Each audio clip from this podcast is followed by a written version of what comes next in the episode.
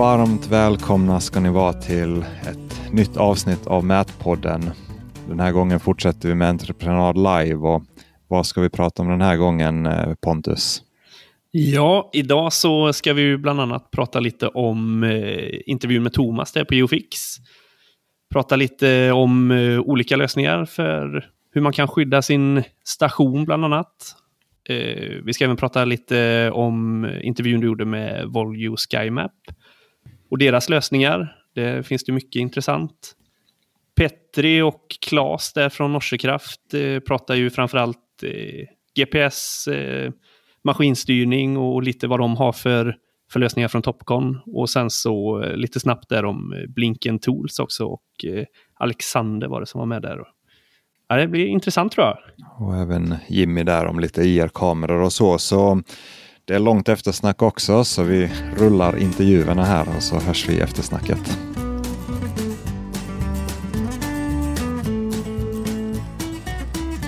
Jag har gått vidare här på Entreprenad Live och kommit till Geofix. Och vem har jag framför mig här då? Eh, Thomas Persson heter jag. Jobbar som verksamhetsansvarig på Geofix. Ja, trevligt.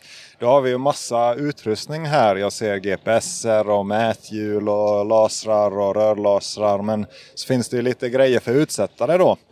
Jag ser en grej som heter Servipod. Vad är det för någonting? Ja, hur ser den ut för de som... Servipod, ja det är ju en, eh, en rejäl stång i metall som du kan eh, bulta fast i betongvalv eller eh, liknande för att sätta ditt mätinstrument på, totalstation eller laser. Vad är det för problem den löser? Den löser ju då problemet med om man har lite, kanske lite svajigt underlag att sätta upp sin totalstation på. Då ja, då svävar ju pen, pendeln ur läge. Men eh, har man en serverpod att sätta den på då sitter den ju stabilt. Och, det, och framförallt så minimerar det ju även risken att eh, ens instrument, totalstation eller laser blir omkullriven av någon annan. Det hade varit intressant att veta hur, eh, hur många totalstationer faller på ett år här i Sverige. Jag vet bara på firman jag jobbade så minst ett om året. Alltså, försäkringsbolagen måste ju... ja, jag, tr jag tror försäkringsbolagen gråter när det gäller, när det gäller mätinstrumenten. För det, alltså vi har säkert också i vår hyrespark kan vi ha något instrument varje år som går i backen. Och det är ju sällan som eh, det kostar under 50-80 000 att reparera efter att det har gått i backen. Ja, det är hemskt. Så en eh, en sån Servipod, om den, eh, om den löser en, en krasch vart 50 år så är det ju väl värt investering. Exakt. Jag har ju sett dem på Youtube bara, eller jag lyssnade på en engelsk eh, podcast, Geoholics, och de hade tillverkaren av Servipod. Det är väl från Irland eller England? Ja, det stämmer, de, är, de är från Irland. Ja, exakt. Så han pratade om den, så det är så jag kände, kände igen den. Men jag har aldrig sett den i verkligheten. Men vad är prisbilden på en sån ungefär så man får en uppfattning? De ligger, de ligger på lite, lite varierande men eh, jag har inte prislappen i huvudet men säg mellan, eh, mellan 7 och 10 000 beroende på vilken modell man har. För de, de finns ju både en och en halv meter långa som eh, man bultar direkt i golvet och de finns även eh, vinklade som man kan eh, bulta fast i en eh, vägg. Och ja, prisbilden skiljer lite grann. Ja, ja. Men då är det ju liksom man typ bultar med någon form av eh, ja, det blir någon gängstag och så skruvar man upp så man kan återanvända den. Ja precis, du kan ju antingen eh, man kan ju gjuta in gängstänger eller eh, slå i med expanderbult om det är ett ställe där man vet att man ska komma tillbaka återkommande. Då kan man ju ha en sån fastmonterad. Ja. Jag har för mig det finns någon sån ingjutningsfot också så att till exempel på ett eh, bjälklag att man gjuter in en fot. Man kommer överens liksom med de som gjuter så gjuter man in den. Sen har man bara en lös del som egentligen trär på som bajonettfattning. Mm. Ja, det stämmer. Ja. det stämmer.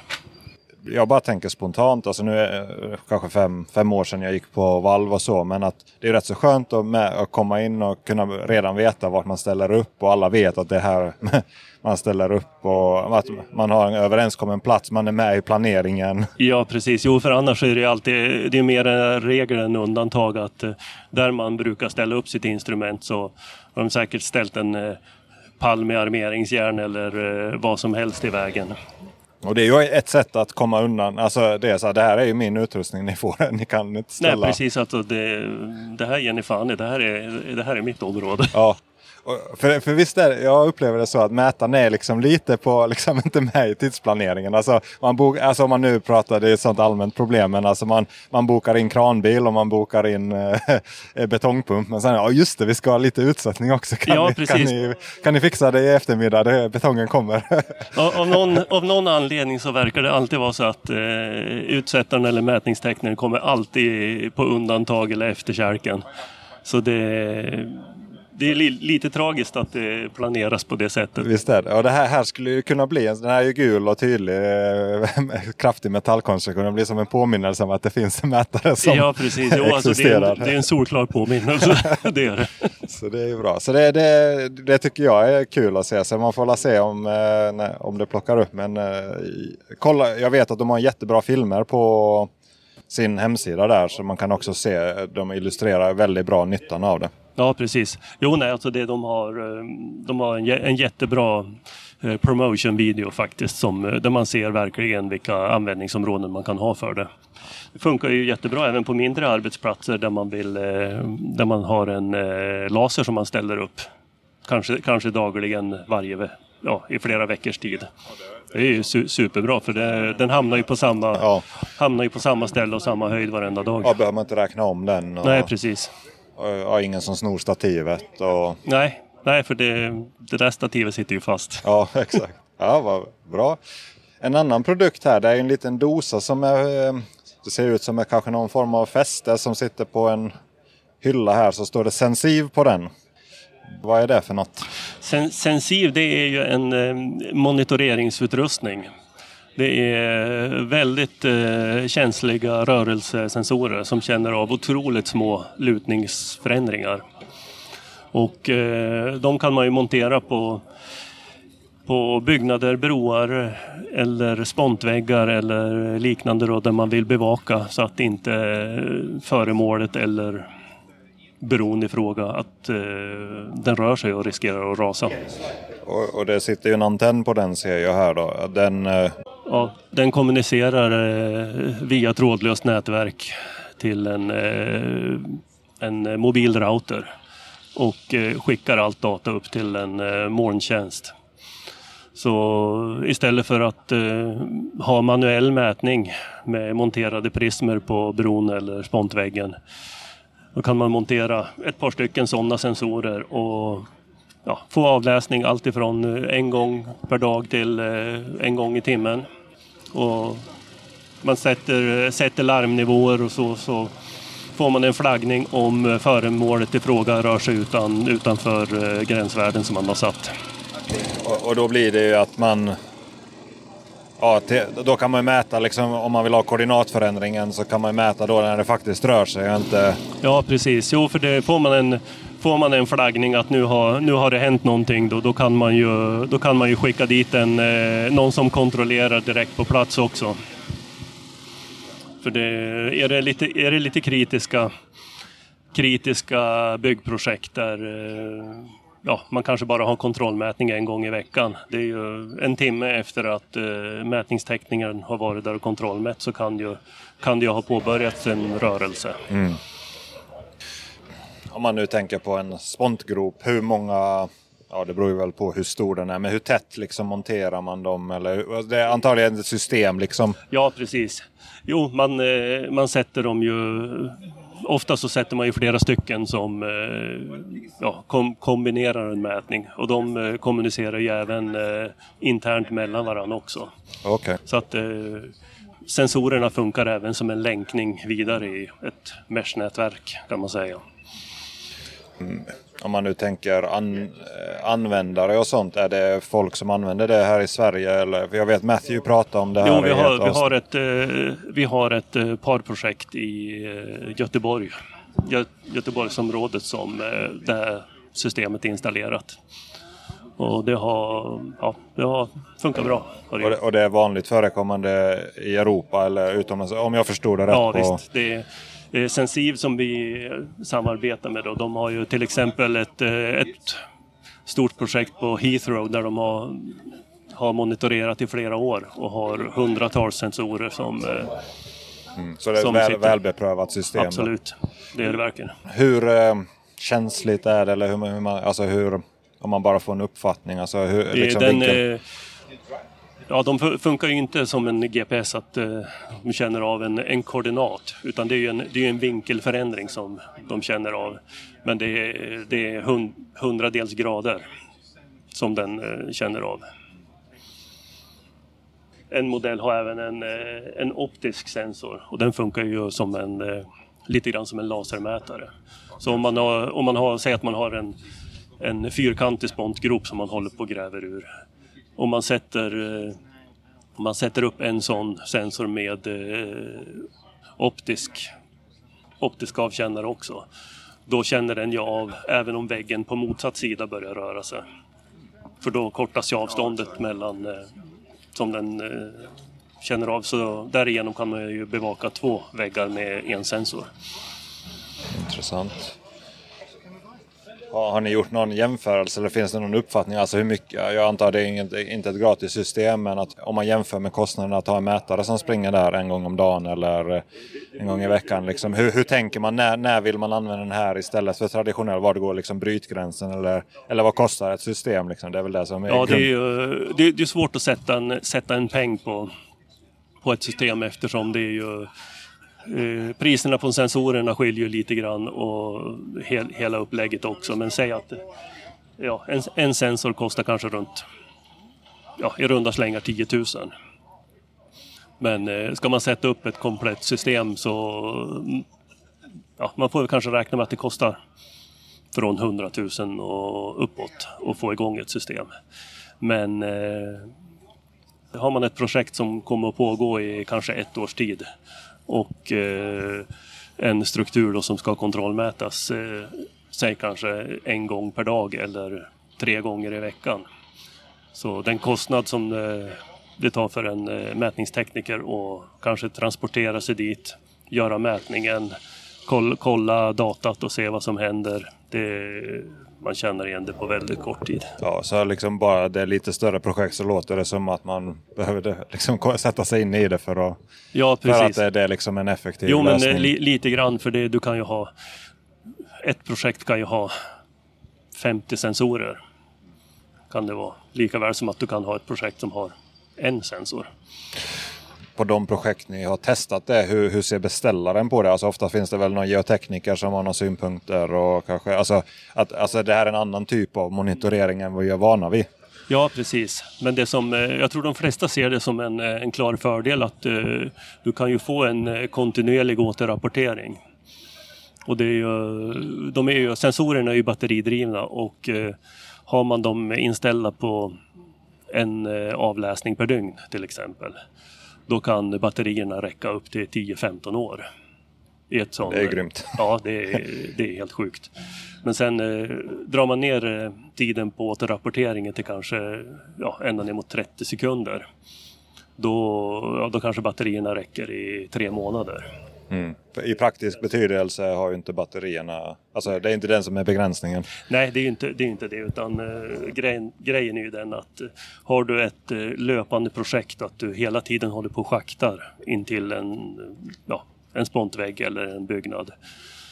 Du har ju en klar begränsning om du bara har en kontrollmätning per dag. Så rent säkerhetsmässigt för personal som jobbar på plats och så, då kan det ju vara jätteviktigt att kunna få en en snabb återrapportering om någonting börjar röra sig.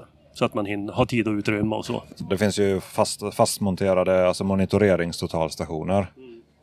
Borde ju också, alltså i vissa tillämpningar kunde ett sånt här kanske varit ett alternativ till det. Mm. Ja, precis. Jag vet på något projekt att till exempel att jämföra jag bara leker med tanken, men kontaktledningsstolpar som om de börjar luta på järnväg är ju saker man monitorerar på flera ställen vet jag. Att, eh, om, om den nu kan mäta en längd mellan två stolpar till exempel. Eller att, eh... Visst. Jo, nej, men det, det, funkar absolut. Och du kan använda, du kan sätta de här, du kan sätta de här eh, sensorerna på sliprar och så också. För att känna av och, ja, ifall du har rörelse i järnvägsbank och så. Så det, de har otroligt många Typ om man rörtrycker eh, under till exempel. Och... Nu är det väl regelverket kanske kräver att man måste mäta, avväga det med hela tiden. Eh. Ja, precis. Jo, li, lite grann så är det ju att, eh, att eh, har du en tryckning under. Men eh, det är klart, regelverket eh, går lite trögt. Men eh, jag tror de stora flertalet ser, ser fördelen med den snabba återrapporteringen ifrån eh, ett sånt här system. För det är ju Ja, det blir en ögonblicksbild nä- även nästan. ett eh, monitoreringssystem där du har en totalstation som står och mäter kontinuerligt. Det är ju den... Eh, det är ju inte heller ett billigt system. Nej, och stöldbegärligt. Det är ju betydligt mer stöldbegärligt att de eh, försöker bryta loss en eh, fastmonterad totalstation än att de eh, springer runt och försöker peta loss eh, sådana här sensorer. Mm. De är inte lika ögonfallande. Det är väl, man har inte kommit på hur mycket att pe- pengarna i det. Det ser Nej, bara och ut det, är som en inte, box. och det är som sagt inte... Inget återförsäljningsvärde i på det en, En sättet. sensor så sitter inte så mycket pengar i. En totalstation kostar ju kanske 300-400 000. Kontra en sensor för 10. Spännande. Sensiv alltså då, så det är ju ett system här. Eh, vad står det här då? En annan ska vi ta. Där står det GeoQ.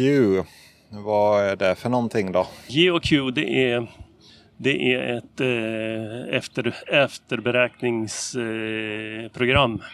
De har, de har LIDAR, LIDAR-skanner för drönare och eh, efterberäkningsprogram.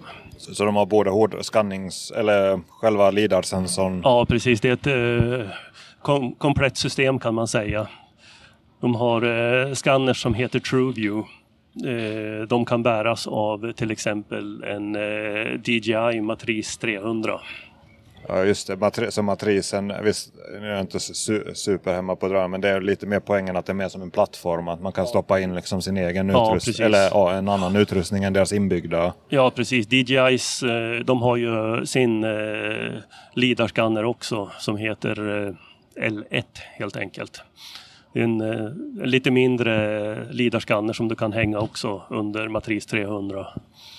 Den här eh, TrueView, den eh, lite större skanner men eh, med roterande, roterande skanner och som eh, plockar in lite mer data än vad en eh, L1 kan göra. Och sen har du ja, sömlös eh, efterberäkning då i deras eget program. Så köper, du en, eh, ja, köper man en TrueView-skanner då ingår efterberäkningsprogrammet också i samma paket. Hur funkar en sån LIDAR-skanner? Får man, tar den foton samtidigt som man får kolorerat Ja. punktmoln? Precis, det gör den. Häftigt. Den har väldigt avancerad eh, kamera också. Deras eh, system är ju lite dyrare. Deras billigaste skanner ligger på ungefär 600 000 och den dyraste är, ligger i runda slängar på 2 miljoner. Men då, vad, vad tänker man? För då måste man ju... Ja, sådana som flyger kanske lite större områden. Eller, vad, vad, har du någon uppfattning eller känsla för vi- vilken... Om man pratar hektar eller kvadratkilometer eller vad är läm- lämpligare, lämpligast mått? Liksom, Nej, alltså det, det är väl lite grann eh, är väl lite mera kvaliteten på datat som man får in. För det, man, man täcker väl ungefär samma, samma område med, eh, med eh, TrueView-skannen. Den har, ju, den har lite, bredare, lite bredare skanningsvinkel än eh, till exempel DJIs eh, L1. Ja, den är ju också även, även lite tyngre att bära så det, det begränsar ju tiden som du kan flyga. ja. Vi har ju haft ett avsnitt lite om LIDAR och fotogrammetri. Men vad, om du sammanfattar, liksom, vad är fördelen med LIDAR mot fotogrammetri? Eller liksom, vilka fördelar skulle man få liksom, med LIDAR? LIDAR-skanning? ja, med li- lidar, lidartekniken där. Den eh, blir ju lite överlägsen där när du kommer eh, och ska skanna där det är lite, lite skog och kanske lite hög växtlighet och sånt. Kör du med lidarskanner kontra fotogrammetri så du får ju oftast punkter som slår ner genom växtligheten. Den hittar luckorna liksom. Ja, precis. Däremot eh, med fotogrammetri då, då kan du få stora hål i, i din modell sen. Ja, det behövs inte alls mycket för att tappa liksom, ett skogsområde. Det, jag, jag, jag jobbar väldigt mycket mot punktmoln eller gör terrängmodeller av det som underlag till projektering. Då. Och där är ju fotogrammetrin har ju stor brist. där. Ja, precis. Sen eh, när det gäller, eh, när det gäller mätning på, på hårdgjorda ytor och så, det är klart, då, då kan du ju få bättre, med eh, riktigt med stödpunkter och så, då kan du få bättre resultat om du kör med fotogrammetri. Men det är ju väldigt sällan som du har som du har områden som du kör där det är enbart hårdgjorda ytor. Utan ofta så har du ju vissa områden som har ganska grov växtlighet också inblandad i allt. då känns det, ja, rent spontant för min del känns det som att eh, Lidar är ett säkrare kort. Och just att processingen blir väl mycket snabbare också? Eller visst blir det så?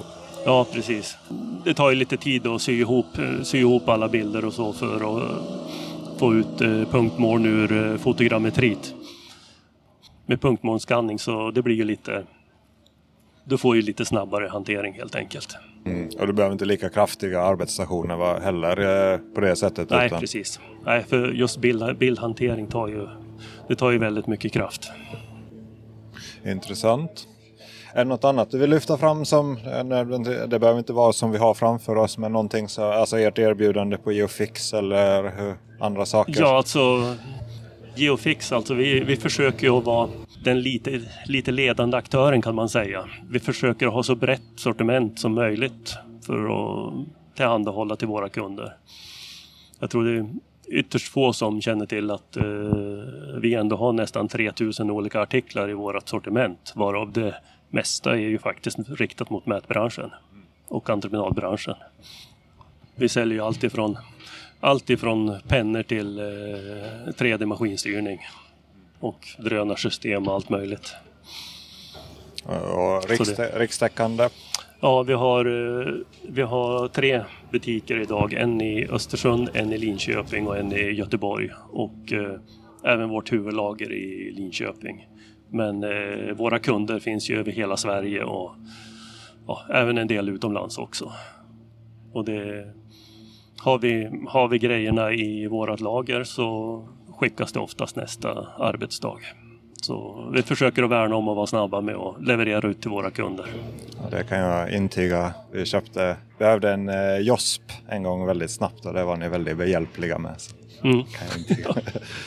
Ni har det mesta. ja, jo, men vi försöker att ha det mesta som eh, förbrukas mycket försöker vi att ständigt ha i lager. Så just för att kunna vara snabba för det.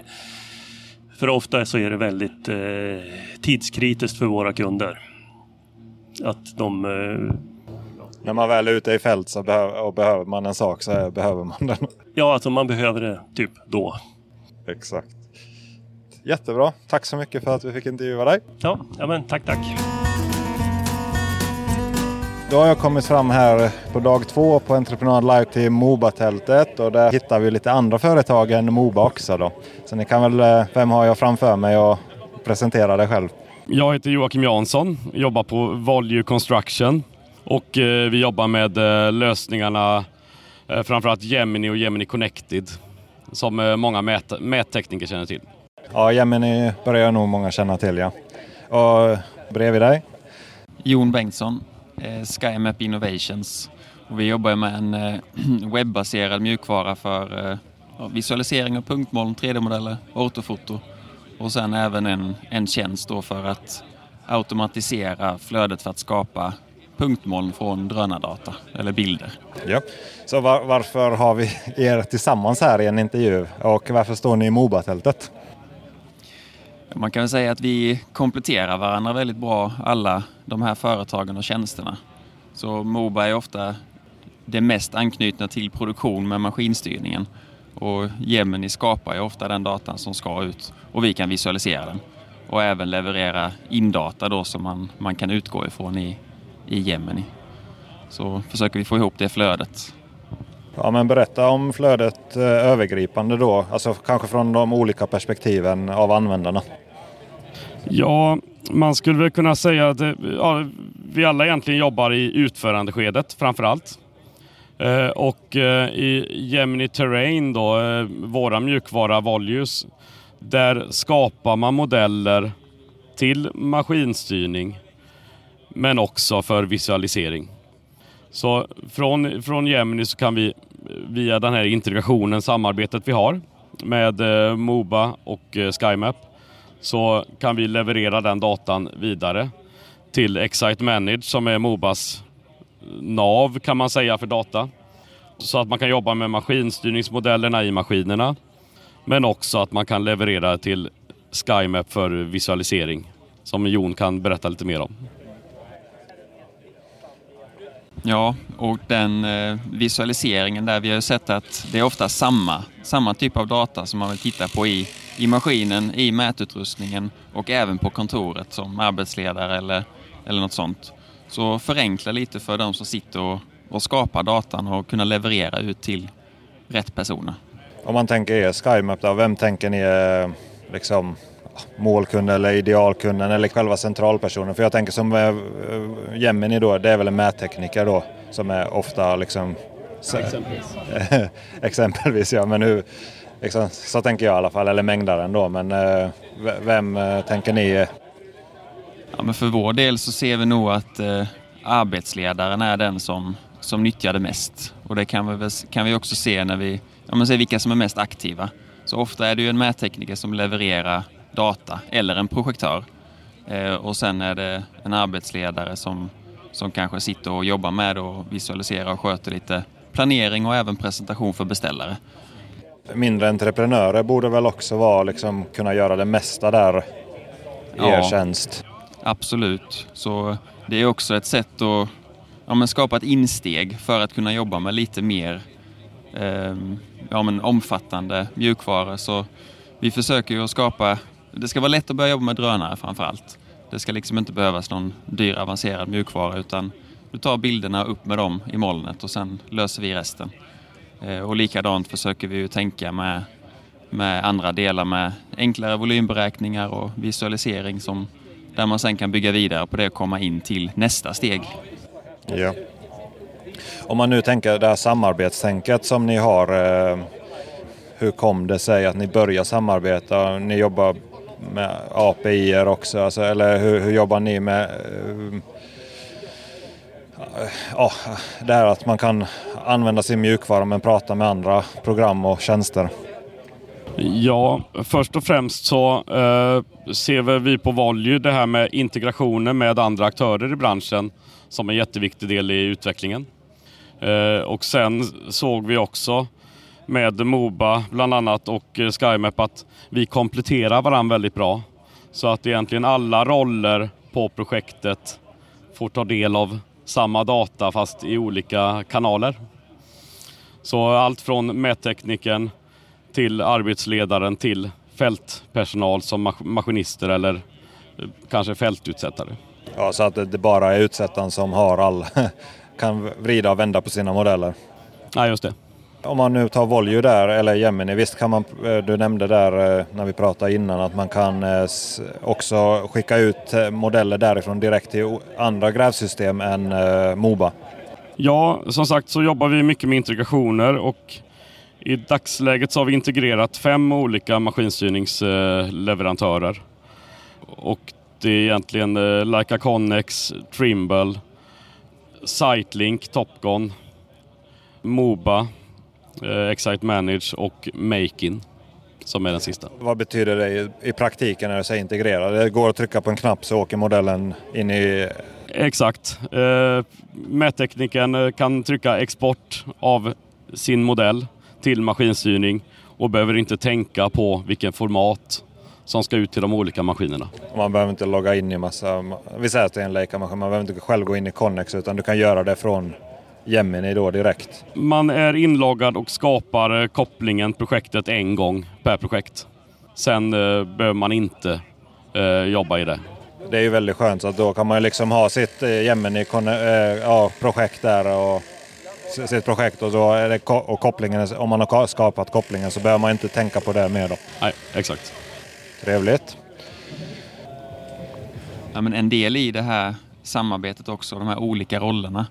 Vi har ju sett att mättekniken blir ju mer och mer belamrad med olika typer av arbetsuppgifter. Och det kan vara allt från, jag fick en här nyss som sa att eh, de, de hjälpte till när kopiatorn krånglade på kontoret. Ända till att de ska sitta och mängda utifrån en, en mängdförteckning då. Så vi vill ju försöka avlasta lite så att vissa presentationer ska inte behöva förberedas på det sättet för modellen finns ofta. Och har du en, en digital eh, kopia då exempelvis en drönarscanning eller ett punktmoln så ska ju vem som helst kunna titta på det. Och, eh, vi, det finns en, en tjej som jobbar på, eller tidigare jobbade på Skanska som, som jobbade mycket med ett uttryck som hon säger då är demokratisera data. Det vill säga finns datan så ska vem som helst kunna komma åt den och ha nytta av den också. Så det försöker vi att, att, eh, jobba lite utefter. Så just det här med integrationen är ju otroligt viktigt för oss också. Det känner jag igen det att jag vet inte hur många möten jag har suttit på hos kunder som egentligen jag kallar till mötet för att sitta och vrida på mina modeller typ i Geo då några år sedan. De vill ju bara se hur det ser ut men de vet inte, de har inte programmen, de vet inte hur man gör. Men har man en webbtjänst som du säger att då kan de ju titta på det själva och mäta och planera och låter ju väldigt bra. Har ni kundcase eller så? Har ni några kunder som jobbar i hela, ja, hela flödet här eller berätt, liksom, som bra exempel? Alltså vad ni har hört från era kunder som tycker att det här, hur funkar det och så? Ja, absolut. Det är egentligen det som ligger till grund för hela samarbetet. Där vi har haft kunder där vi har stött på alltså gemensamma kunder då, där man har sagt att ja, vi sitter i Gemini eller vi sitter med Moba-systemen och vi får ladda upp filerna på tre olika ställen, men det är samma fil. Det är skitdrygt. Och då har vi försökt att, att lösa det helt enkelt. Så det finns absolut. Ja, samma, kanske samma fråga där. Ja, till, men jag håller med. Jag håller med Jon. Och, och det, det, det vi också ser som Jon var inne på där att uh, mättekniken får mer och mer uppgifter. Uh, vi från uh, Volley Construction vi jobbar ju med att effektivisera mätteknikers arbete hela tiden. Så att man ska slippa göra de här, ska man säga, de här sakerna gång på gång på gång igen. Utan har man byggt en modell så har man den modellen för maskinstyrning. Man kan mängda, alla mängder är redan klara. Allting är kopplat med varandra i Gemini Terrain. Vad bra. Om man då börjar titta på individuella, alltså kanske inte just i samarbetet, men vad har ni om man tänker på Volju, liksom vad, vad har hänt på Gemini fronten eller från er sida på marknaden? Har ni Märker ni att det är fler som använder det? Vad är nya, vad är nya funktioner som är på gång och så vidare? Ja, eh, först och främst senaste halvåret så har vi sett att det har ökat eh, användandet väldigt, väldigt mycket. Och det ser vi främst i att vi har väldigt mycket förfrågningar på kurs. Så vi håller kurser varannan, var tredje vecka nu under hösten. Eh, sen eh, släpper vi nu version 18 här i november. Och där kommer vi eh, släppa en eh, helt ny modul som eh, handlar om nätutjämning. Som vi egentligen inte haft på svenska marknaden tidigare. Som eh, vi kommer launcha på geodesidagarna. Och sen så har vi även en del kring järnvägsfunktionalitet och givetvis det här med integrationen mot maskinstyrning för att effektivisera det arbetet. Ja, ja så, så då, då, tar ni liksom ett steg in i alltså att typ hantera totalstationsdata egentligen. För det kan man inte göra i Terrain idag alls egentligen va? Nej, vi har egentligen haft ett fristående program tidigare men nu integrerar vi in det i Gemini Terrain. Så att man ihop med mätningarna även kan se modeller, skannade data och liknande så att man får ett sammanhang på allting. Så man bättre kan planera också sin, eh, sina mätningar. Ja, det, låter, det blir spännande att testa. Och jag vet ni utvecklar ju aktivt också Jon där på SkyMap. Vad har, ni liksom, vad har hänt på sista året om, och vad har ni liksom sånt som ni vet ni kommer att släppa med tiden? Vi har lagt eh, väldigt mycket fokus på integration också. Så eh, ja, till en början då med Excite Manage och eh, Connex kommer vi släppa integrationen mot här nu i, ja, inom två månader ungefär. Och sen kommer det ytterligare integrationer då framöver men eh, vi lägger också väldigt mycket fokus på att, ja men på samma spår det här med att avlasta eh, mättekniken och ge arbetsledaren lite, lite större möjligheter. Som exempelvis så kommer vi ta bort eh, kravet på att ha en, en, en drönarmodell eller ett punktmoln i Skyview. Som då gör att eh, man i tidiga skeden baserat på en, en pdf i princip eh, kunna skapa terrängmodeller på rätt plats vilket vi hoppas att eh, ska göra att man kan i princip eh, använda viss data som man tar fram redan i mängdningsskedet ute i maskinerna då i tidiga skeden för att komma igång. Och sen plockar man över det då till, till mer anpassade programvaror. Så gör ju alltså entreprenören räknar på jobb och då blir det ju för att räkna på det så måste man ha någon grov mängdning Och då blir det ju att man har någon form av maskinmodell eller terrängmodell där redan i, egentligen innan man har fått jobbet. Ja, lite så. Och idag sitter många och gör det på en pdf som liksom inte har några koordinater. Så det första man ska kunna göra då är ju att ja, men, flytta en pdf så att den mängningen man gör den hamnar på rätt ställe. Ja, och sen kunna utnyttja den. Om man har ritat av en yta en gång redan så kan man liksom egentligen köra köra ja, i maskinen då. Här kommer gräsmattan vara och här kommer huset stå. Och att du får en georeferering direkt då. Precis, så antingen om man använder det direkt i maskinen om det är så pass bra. Eller nästa steg är ju att det kan lämnas över till en mättekniker som sitter i exempelvis Gemini då. Så den får bättre underlag helt enkelt. Och det borde väl, jag bara tänker spånar så här, man borde ju också kunna visa kunden det är så här vi har räknat. Alltså det, vi, vi vet inte förutsättningarna. Du har 300 mm bärlager du ser här om det berget dyker här så du vet den här summan är en osäkerhet för dig. Eller ja, jag bara tänker som om man skulle vara ett entreprenör så skulle det vara ett sätt att kunna förklara för kunden. Liksom att så här. Ja, absolut, och det går ju att, välja vad man, vad man eh, kan, ska visa eller så i, i den här. För man kan bjuda in externa användare via webben också. Eller om man bara vill ha det för sig själv då. Kul. Är det något annat ni vill berätta om eh, era program eller tjänster eller så vidare? Eller annars är det hur tar man kontakt om man är nyfiken på att känna till mer eller ja, hur det funkar eller en demo eller så vidare? För vår del så är det smidigaste sättet via hemsidan, skymer.se. Så kan man ta kontakt antingen via livechatten eller fylla i formulär då så kommer någon ringa upp. Och på Volue?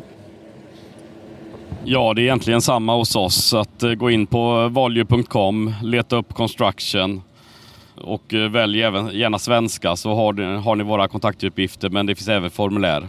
Så återkommer vi. Super, tack så mycket. Tack. Okej, då har jag vandrat vidare här på Entreprenad Live dag två till Topcon och ja, framförallt Norse, Norsekrafts eh, tält. Så vem har jag här framför mig? Petter i Lindö på Norsekraft IO position då. Eh, och här i våra monter så har vi ju både grävsystem och laser, totalstation, GNSS, scanning. Härligt. Okej, okay, positioning då. Så vad har vi? Eh, om vi tar, kan vi börja titta på Topcon totalstationer. Det har jag aldrig sett ute i produktion. Nu inte för att jag varit på så många ställen i och för sig, men hur många använder Topcons totalstationer och vem är liksom eh, mål, målkunden för dem? Vi har ju Topcon hos många kommuner. Så att många kommuner som använder våra totalstationer. En del hos anläggning också. Men främst eh, kommunerna är vi väl störst på. Okej, okay. vad är det för typ spesar på? Är det som alla andra en sekundare? En sekundare till fem sekundare. Och så har vi ju även halvsekunders instrument också då för monitoreringsinstrument. Okej, okay. så halvsekundare också. Hur ser alltså bara prisbilden rent allmän ut mot typ Leica Trimble? Eh, likvärdigt. Samma, ja. Vad är, vad är fördelen eller vad är konceptet med Topcon om man säger? Vad är... Eh, vi har ju väldigt, våra programvara Magnetfield är ju väldigt populär. Så att eh, väldigt användarvänligt och smidig programvara. Så att det är många kunder som gillar det. Ja, vad bra. Eh, och ni har en egenbrandad GNSS-mottagare där också, eller Rover? Våran eh, så kallade arbetsledar-GPS, våran midrange GPS, så kör du bara GPS-mätning, ingen, ingen uppkoppling mot totalstation och så utan eh, ren eh, GPS-mätning. Då, så att, eh, alltså ingen rufris eller total, integrerad mätning? Nej. Okej. Okay. Kan man köra mot bas, eller ställa upp basstation? Ja, du kan ju ställa, köra mot basstation också då, eh, både radio och eh, eh Men det är ju 99,9 procent så nätverks då. För den, den är ju eh, kanske fiberinmätaren och lite sådana här som kunder som använder den utrustningen. Då. Och så eh, de som vill köra mot totalstation och integrera mätning kör ju Topcons produkter. Då. Så har vi våran förenklade totalstation eller 150 också då, så att det här är ju också enkel, smidig, användarvänlig totalstation då, som är lite som en laser som du startar igång den och så representerar in, in sig själv då. Om jag bara beskriver den så ser det ut som en, det ser ut som en större las, laser, den har ingen kamera. Eller det ser inte ut som man kan titta igenom den. Nej, ingen okulär i den. Och det har typ en, två knappar. Ja. Det är, det är ju vad säger, för byggkonstruktion då, vad man säger. Eh, att använda för enklare utsättning då. Hur, eh, alltså hur är konceptet? Hur använder man den? Eh, Du etablerar den antingen mot eh, hybridmätning, då integrerad mätning. Eller mäter Okej, så du har Prisma och GPS et- etablerat. Så du i princip kör en Rufris som... Exakt. Och även etablera mot fasta prismer då. Så söker den själv då eller? Ja, precis. Får söka prismat själv och så följer det. Robotic instrument då, så att den är enmansstation. Okej, men det är egentligen som en totalstation. eh, Så, alltså du sätter ut Totalstation utan okulär och eh, kortare räckvidd på den.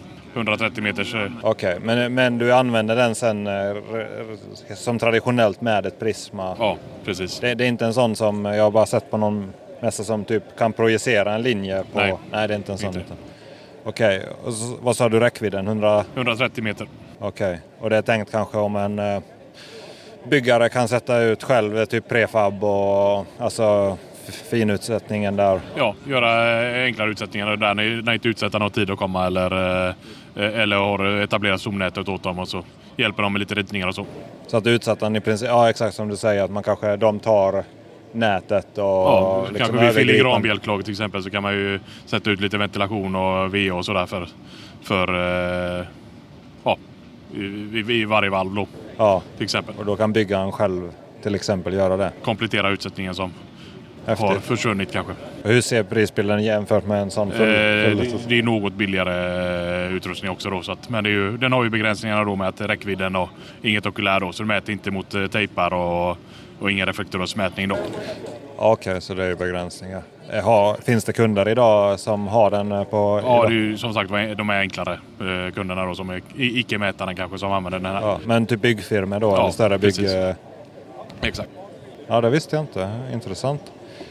Vad har vi för annan utrustning som man kan tänka sig? Hur, vad är Topcons GPSer? Som, eh, vad är deras liksom, tanken? Idag är det ju så vansinnigt. Alla har ju GPSer då, såklart. Då. Vad är liksom... Vad skiljer eller varför ska man välja dem och så vidare? Hög tillgänglighet eh, på, på GPSen då. Har vi ju varit eh, kända för det att eh, Topcons GPSer har eh, hög tillgänglighet och tuffare miljöer att mäta med. Så att där har många som gillar våra GPSer så att eh, kör, eh, kan köra både mot Geopad och eh, Magnetfil då. Så du kan eh, använda båda programvarorna då. Hur ser det ut med sådana här, ja, vad ska vi kalla molnlösningar eller sam, samlade? Alltså, om man, Magnet säger, Enterprise-tjänsten har du ju då i, i Magnetfil då. Så är molntjänst, våra molntjänst då. Alternativt då kanske OneDrive, Dropbox eller något annat som eh, man använder i våra Windows 10-fältdatorer då. och då blir det att man synkar det dit. Synkar i Windows-miljön då. Ja. Och är det med, med Topcons maskinstyrningssystem? det, maskinstyrningssystemet så har du, använder du Sitelink eh, då. Och det kan ju Claes berätta mer om. Eh, på men det är inte samma... Alltså det, Det är inte man- samma system. eh, molntjänst men du har ju tillgång till Sitelink 2 i, med fältdatorn också. I Magnetfil. Okej. Jag bara tänker så alltså den mäter in med grävmaskinen. Ja, så kan du eh, hämta eh, filerna i, via Sitelink 2 i fältdatorn. Okej, så det finns någon, någon form av samma, ja, så man kan samarbeta där om man jobbar med hand, handdatorn. Vad har vi för fler grejer här som eh, ni demar? Ja, vi har ju till exempel våran eh, Seb Vision, våran nya EOS Slam-utrustning. Eh, med den nya kameran då. Och då är det en 360-kamera eh, på den. Eh, och då får du sådana bubble views när du skannar. Så förut har vi inte haft den eh, möjligheten. Så berätta vad geoslam ja, generellt är. Eh, Geoslam är en eh, smidig utrustning som du är dynamisk skanning. Där du går och skannar samtidigt. Så att du blir väldigt effektiv med skanningen. Typ om man nu tänker Leica och BLK to go. Det är ja, ungefär det är samma. våra variant utav det. Det, ja, så att den knyter ihop om man promenerar eh, ett eh, det är ge, det är ju slamberäkningen slam, där. slam, Slammen är ju själva tekniken, va, som, att den knyter ihop. Och hur jobbar man då med georefereringen där? Bör man targets eller har den inbyggd GPS eller? Du håller den stilla mot, vid kända punkter i 10 sekunder. Så re- reggar du eh, punkterna. Du har den här plattan här. Så att du kan georeferera på det sättet. Jaha, du har kan, typ som eh, en eh, ma- markering till exempel på marken som är inmätt. eh, Precis, eller på väggen. Och, och så, lägg, så håller du emot den. Ja, så. ja, eller mot väggen också. okej. går ju bra med. Så kör du georeferering på det sättet. Eller mot sfärer kan man också, till exempel. Hur, alltså någon, någon form av allmän noggrannhet, liksom hur, hur noggrant blir det? Om man tar den. Skulle vi säga påstå GPS-noggrannhet. Ja. Och eh, funkar det lika bra eller utomhus eller behöver man vara inomhus i huvudsak? Eller? Inomhus och utomhusskanning med den här.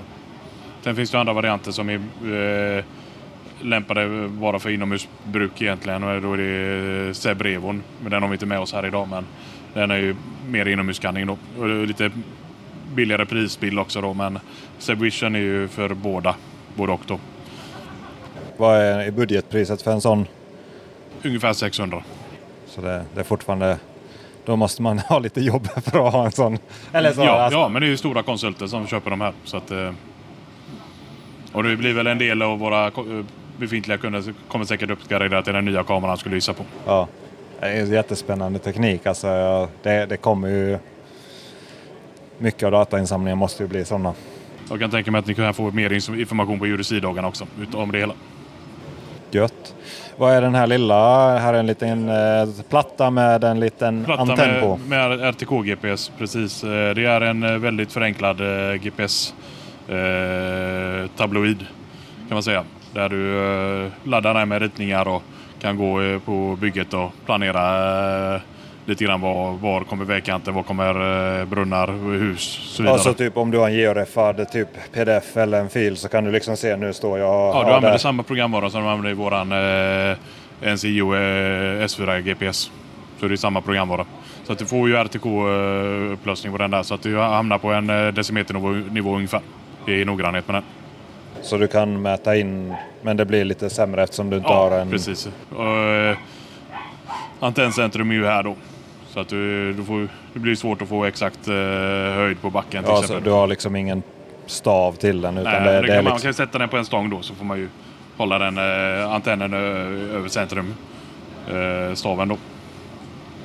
GIS eh, användare eh, använder den här till exempel. Ja, arbetsledare också kanske. Arbetsledare och platschefer. Ja. Hm, intressant. En annan fråga som dyker upp, det, det är ju, här finns ju massa GPSer och anläggningsföretagen köper in GPSer. Var, var drar man gränsen? Eller hur, vad kan man och vad kan man inte göra? Eller vad, vad har du för tankar som dyker upp på det ämnet? Eh, jag tänker ju att man eh, ska gärna ha en mätkonsult i bakgrunden som eh, hjälper icke-mätare med filer och inpassning mot tomtgränser och så, så att det inte blir fel. Och man lägger upp stomnäten och alla de här bitarna.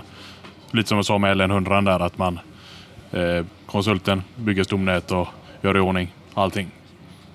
Sen gör de eh, anläggaren de enklare mätningarna. Vad tycker du gränsen går? Du nämnde ju några saker, men vad, vad, vad är rimligt att anläggarföretaget gör själv när de har en GPS?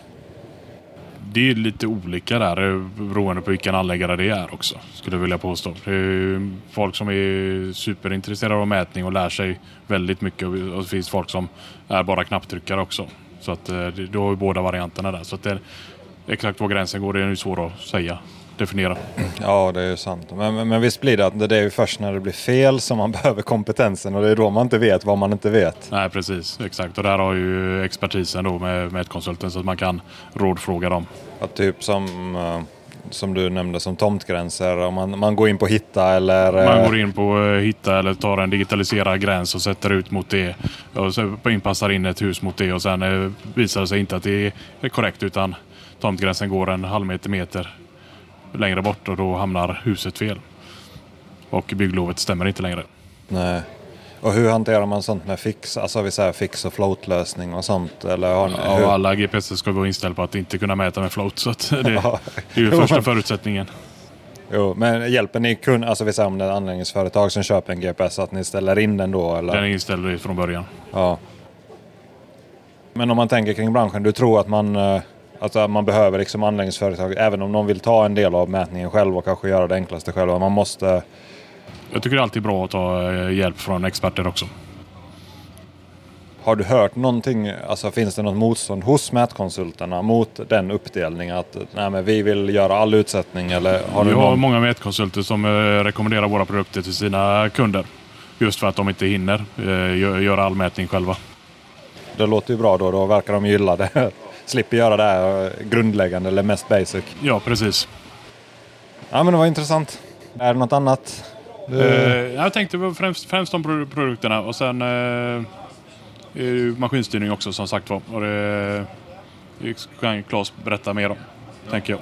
Men eh, då är no Norske Kraft, har ni annan utrustning eller vad säljer det? Är det bara, eller bara, men hårdvaran eller har ni kringutrustning också? Eller hur ser, vad är erbjudandet från alltså Norske Kraft? Eh, Du tänker på programvara och eh, Ja. även eh, våra webb- webbshop också har vi ju stativ, spik, sprayfärger och Ja, allt så det är annat. leverantör av liksom förbrukningsvaror Ja, och mät. precis, inom mätning också. Och är det något ni saknar så kan vi säkert ta fram det också. Våra kulprisma-kit är väldigt populära till exempel. Finns ni överallt i landet eller är det geografiskt? Huvudkontoret Stockholm och kontor i Göteborg också. Sen är det lite lokalkontor för säljarna. Vad bra. Okej, tack för att du ville vara med. Bra, tack själv. Då är vi fortsatt i Norske Krafts tält här. Vem har vi här som hoppar precis ut från grävmaskinen och visade lite? Ja, vi har Claes Olofsson här. Försäljningschef på eh, Norske Kraft Geo AB.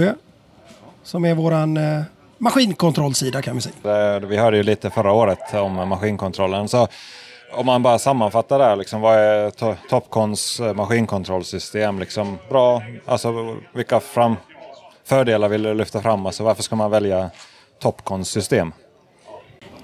Det jag vill lyfta fram egentligen det är ju enkelheten i vårt system som eh, maskinist. Att, att eh, hantera systemet.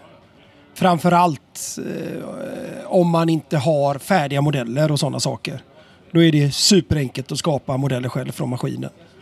Eh, typ en husgrund, det gör du liksom superenkelt själv. Hur, hur ser den processen ut då, att göra modeller ut i systemet? Alltså, vad, mäter man in punkter och sen triangulerar eller kan man göra teoretiskt också att jag har en... Eller hur? Alltså det är precis så som du säger. Eh, enklast så gör man det genom att mäta in punkterna. Ändra punktens höjd till färdig yta. Alltså det kan du göra efter du har mätt, eh, mätt in det om man säger så. Så kan du gå in och redigera punkter. Eh, och sen skapar du en eh, yta utefter de punkterna och emellan de punkterna. Och då triangulerar den eh, igenom det här. Så att det, det du måste heta, det, hos oss heter det triangulerad yta. Och då måste du ha tre punkter. Det är det som är minkravet. Sen kan du ha hundra, du kan ha tusen. Kan man välja, vi säger om man har en bakgrundsfil eller vad man kallar det, en DXF eller vad som helst, en linje, linje, kan man välja en sån och börja skapa en yta i maskinen? Inte från en linje, men finns det en inmätt punkt på DVG, DXF eller vad du nu har lagt in för någonting? Ja, då kan du använda den. Så, ja, men man, ja, så man mäter in och så kan man göra därifrån.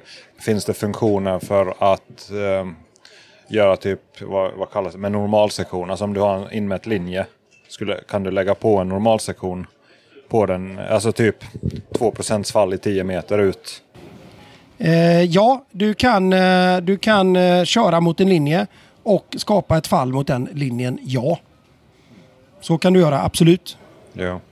Men så det finns lite möjlighet, eller finns möjligheter att skapa liksom modeller. Och du kan utifrån en linje, men det är ganska avancerat faktiskt. Eh, utifrån en polylinje så kan du också skapa en ytprofil utifrån den. Så du kan bygga ett schakt själv. Så du ser det visuellt.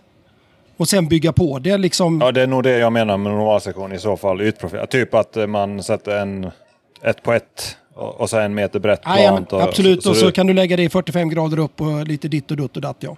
Jajamän, men det är, gan, det är hyggligt avancerat liksom att göra det i maskinen. Visst är det så, men du kan. Ja, ja, ja men det är för de som är ute i Jajamän, fronten. jajamän, jajamän, jajamän. Det är inte jättemånga som använder det, men, men, men eh, möjligheten finns Ja, men absolut. det är nog bra att veta i alla fall. Vad bra. Vad, vad händer på ja, nyhetssidan då? På sista året och liksom närmaste framtiden som eh, Ja. ni vill berätta? Närmsta framtiden så är det ju så att vi... vi, vi, vi ehm, där kommer en stor mässa eh, snart nere i, i Münchenområdet. Där kommer det komma en hel del eh, nyheter, vad jag vet. Jag eh, är lite bakbunden och får berätta om dem. Eh, men det kommer att komma en hel del. Det som har kommit sen vi pratades vid sist, framförallt då, det är ju det här med vårat X73X eller X-systemen som vi kallar det då va. Som är fullt utbyggbara till automation på maskinen. Och då har du full automation på detta. Det innebär att du kan hantera och köra mot en modell genom att bara dra in i, i stickspaken eller vänsterspaken. Så styr du själv. Det som absolut har kommit också det är, det är att vi kan koppla på oss på Caterpillars sensorslingor och använda Topcons mjukvara. Det pratade om förra året att ni satsar just på det här OEM. Eh, Jajamän. Så det kommer mycket utveckling kring OEM-delen. Där jobbar Topcon eh, oerhört tätt med många fabrikat. Så att det, det är väl den utvecklingen som vi ser. Eh, både på, inom grävsys, grävmaskiner och ja, bandschaktare, eh, väghyvlar. Alltså det kommer förberett eller det kommer med komplett med system på liksom. Eh, Sådana saker. Så att det, det är väldigt eh, tajt där. Sen eh, kommer det ske lite grejer här eh, under höstens resa eh, med eh, eftermontagen också. Absolut. Ehm, sådär. Så att... Ehm. Vad bra, då, då vet vi det. Om man bara tänker, jag tänker på grävmaskinister och eh, ni har ju en egen GPS där, Norsekraft, som Petri pratar om. Ser du eller hör du från dina kunder att eh, maskinisterna vill göra mer själv eller hur, mycket av utsättning och inmätning gör de? Går det framåt liksom där att man mäter in själv med maskin och med GPS eller? Ja, det tycker jag väl går framåt, absolut. Och det beror ju lite på hur entreprenadföretag jobbar. Alltså om man nu jobbar i ett stort företag som jobbar med infrastruktur och grejer och sånt. Va? Då, då, då får man ju sina modeller och färdigt och, och, och, så. Men om man nu, det jag kallar liksom kanske gör egna jobb och sånt så, så märker man det att, att här finns ett större intresse av att kunna mäta in lite själv, sätta ut lite punkter, alltså de här sakerna och då. Va? Och då då kommer här eh, också att komma lite finurliga grejer som man kan eh, enkelt göra detta genom att kanske plocka den en, en, en antenn bara på, på maskin och, och sätta den på en mätutrustning. Lite grann sånt där då. Va? Så det beror lite på hur firman, eh, hur firman arbetar och, och sånt. Men vi, eh, bland våra kunder så märker vi ett ökat intresse på detta. Liksom att kunna hantera lite enklare sådana saker själv. Jag tycker det har varit övergripande både, eller, ja, både förra året och det här året på mässan. Man, entreprenörerna vill göra mer själv. Så det är ju bra att man har möjlighet då med de programmen och mjukvaran man har då. Så det är väl lite så som vi, eh, så ser vi utvecklingen framåt. Um, men det låter som vi får vänta på en mässa så vi får... Ja, det är väl lite grann så eh, mellan, innan, innan jag vågar. Och, och, Detaljer, och, alltså. Lite detalj och så. Va? Man är lite bakbunden. Eh. Ja, det är så. Det var flera stycken som har grejer som de väntar med, några månader. Och, det, det är ju lite så när man jobbar med, med stora eh, världsfabrikat så, så, så, så blir det lite på det sättet. Och det kanske kan vara ibland lite det finns både för och nackdelar. Exakt. Vad blir fördelarna med att ha ett etablerat eller världsföretag bakom sig? Nej, men det är just den här grejen liksom då att, att som vi pratade om innan då med, med, med att OEM-delen, alltså där jobbar man ju stenhårt på detta för eh, maskintillverkarna vill ju ha detta. De vill ju ha, kunderna efterfrågar ju detta från eh, från fabrik om man uttrycker så. Att det, att det finns påbyggt direkt från början. Det är klart, det är plug and play som man eh, lite grann då va. Eh, så att marknaden eh, går ju dithän. Så att det är egentligen det som att man bara mjukvaran som är ja, skillnaden? Ja, eller det kanske inte ens behöver vara mjukvaran. Det kan vara som att, att det kommer ett, ett, eh, ett, ett färdigt system på maskinen direkt från fabrik. Där det kanske är lablat liksom eh, bara till och med maskintillverkarens står på skärmen istället fast det är eh, någon av maskinsystemstillverkarnas maskin eller system egentligen som sitter i grund och botten. Eller så kan det vara mjukvara eh, enbart. Eller så kan det vara en kombination som jag beskrev innan liksom med Caterpillars grejer då, att då använder man deras sensorer i deras 2D-system puttar in den informationen i Topcons 3DMC och sen är det bara att tuta och köra. Vi snabbar ju på eh, vissa... Eh, i en förlängning får man säga kommer det ju snabba på kanske ett installationsarbete. Eh, Sådana saker. Ja, för nu när du köper en maskin så måste ju någon komma och eftermontera det det första man gör. Och... Ja. Utan men då är det ju liksom halva eh, eller kanske, kanske kortat ner det till fyra timmar. Hur lång tid tar det att installera ett eftermonterat, alltså så, som man gör idag, och eftermonterat system? Jag har ingen uppfattning. Ta, gör man det på en dag eller tar det två dagar? Eller liksom hur, hur lägger man upp spelet? Alltså. Utan att uh, ljuga för mycket så skulle jag väl uh, säga ungefär uh, en dag. Cirkus. Ja, så det blir den stillestånden då, liksom att man får ha den. Och... Ja. Vad bra. Är det något annat du vill lyfta fram så här eller vi, annars tar vi det nästa gång när vi talas vid så hör vi om lite andra nyheter kanske. Nej, det är väl ingenting direkt så. Det är som du har sagt, när man är lite bakbunden i med det, här då. Va? Men, men, men det, det kommer ske en hel, eh, en hel del saker då va? Som, som vi tycker är positivt, eh, absolut. Och integrationen mellan mätutrustning, maskinsystem kommer att kortas ner om man säger så. så det, det ser vi fram emot och det kommer bli, eh, kommer bli trevligt. Bra, tack så mycket. Tack, tack. Okej, så jag vandrar vidare här till eh, nästa tält och det står Blinken. Vem har jag framför mig här? Hej, det här är Alexander Olsson på Blinken Tools. Jag jobbar som eh, teknisk support. Ja, vad gör Blinken för någonting då? Alltså här är ju, jag ser ju framför mig massa lasrar, GPSer, utrust, mätutrustning kan man väl säga. Ja, det stämmer. Vi är ju en instrumentleverantör till eh, framförallt mät, bygg och anläggning. Eh, där vi har ett brett spann med olika instrument. Har ni kringutrustningen också eller är det mest bara, eller citattecken, bara hårdvaran? Nej, vi jobbar med eh, både hårdvara, eh, mjukvara och även alla typer av tillbehör till de eh, instrumenten vi säljer. Okej. Okay. Finns det några instrument som ni är liksom lite extra, extra intressanta så här nyheter som ni vill lyfta fram? Ja, jag tänkte vi skulle gå och titta lite på en av de nya produkterna i sortimentet som heter Tiny Mobile Robots. Ja, den, kanske, den har man ju sett på LinkedIn i alla fall. Ja, den har ju fluktuerat ganska mycket på LinkedIn och det, det är ett väldigt trevligt instrument. Ganska så nischat. Det är ju egentligen... Om man beskriver den, hur, hur ser den ut? En gul vagn med stora hjul och en sprayflaska, en GPS ser det ut som. Ja, väldigt enkelt beskrivet så är det ju så. Eh, det är ju en, om man ska förklara enkelt så är det egentligen en utsättningsrobot som eh, kör autonomt mot ritningar. Så man kan ju använda sig av exempelvis framförallt då DXF-ritningar då, eh, som vi då styr med, med handdatorn då till eh, instrumentet, till roboten. Eh, så då kan vi då eh, mata in en eh, DXF-ritning i handdatorn och sen be roboten att sätta ut det här då med hjälp av sprayflaskan eller sprayverktyget. Så om man tänker sig eh, man har en spontant en asfaltsyta, spray, linje, linjemålning känns ju som en given grej då. Alltså utsättning för att riktiga linjemålningen. Exakt, det är ju en av huvudsakerna och det sparar enormt med tid för, för eh, projektet och för mätaren i sig då, som inte behöver sätta ut det manuellt. Sen kan man ju då ställa eh, robotens inställningar till hur mycket den ska spraya, vilka avstånd man ska ha mellan linjer, om man vill eh, göra punktutsättning också går ju bra. Så att det finns ju en eh, mängd olika eh, arbetsuppgifter för den.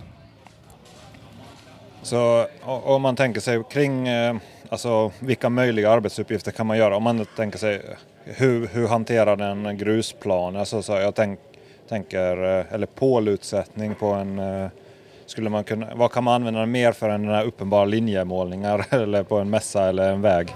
Ja, det den framförallt har gått på, eh, som den är liksom gjord från, från början, det är ju eh, vägprojekt, det är den ju optimal för. Eh, men eh, vi har ju även kunder som kör den på flygplatser, det är ju en, ett annat segment då, eh, där de använder den för linjemålning där då. Eh, det man ska tänka på, den finns ju i två olika modeller. Eh, den ena heter Tiny Surveyor och den andra heter Tiny Premarker.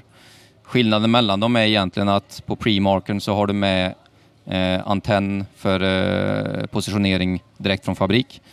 Eh, på surveyern så använder du dig av din egna eh, mottagare då för, eh, för positioneringen. Eh, när det gäller då, då får man ju tänka, det, där har du ju noggrannheten med såklart GNSS. Men det finns ju även möjlighet med Surveyermodellen att köra den mot totalstation och Prisma om man vill ha eh, högre noggrannhet. Det, blir det tillräckligt bra för stomlinjer?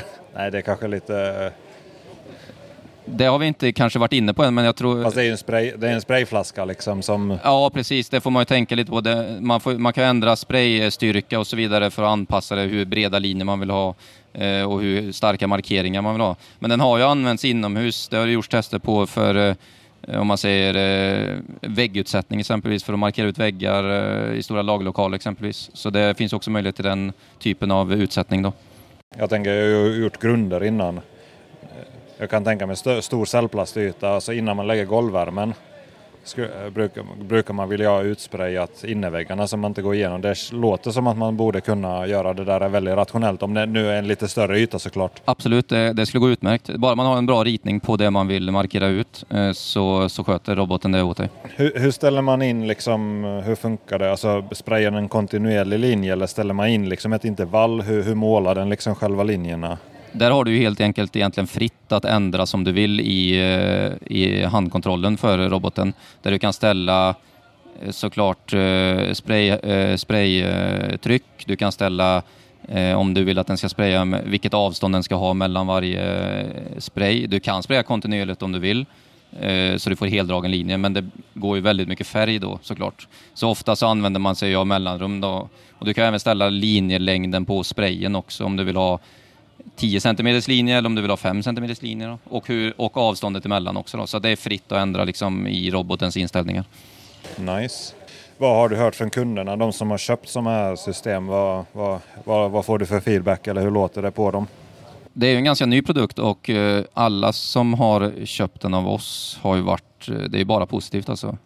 Det de främst säger är att det sparar en enorm tid för dem på både vägprojekt och så vidare och på flygplatserna. Och, Eh, det blir ju noggrant utsatt och de slipper då gå med böja ryggen och spraya själva om man säger.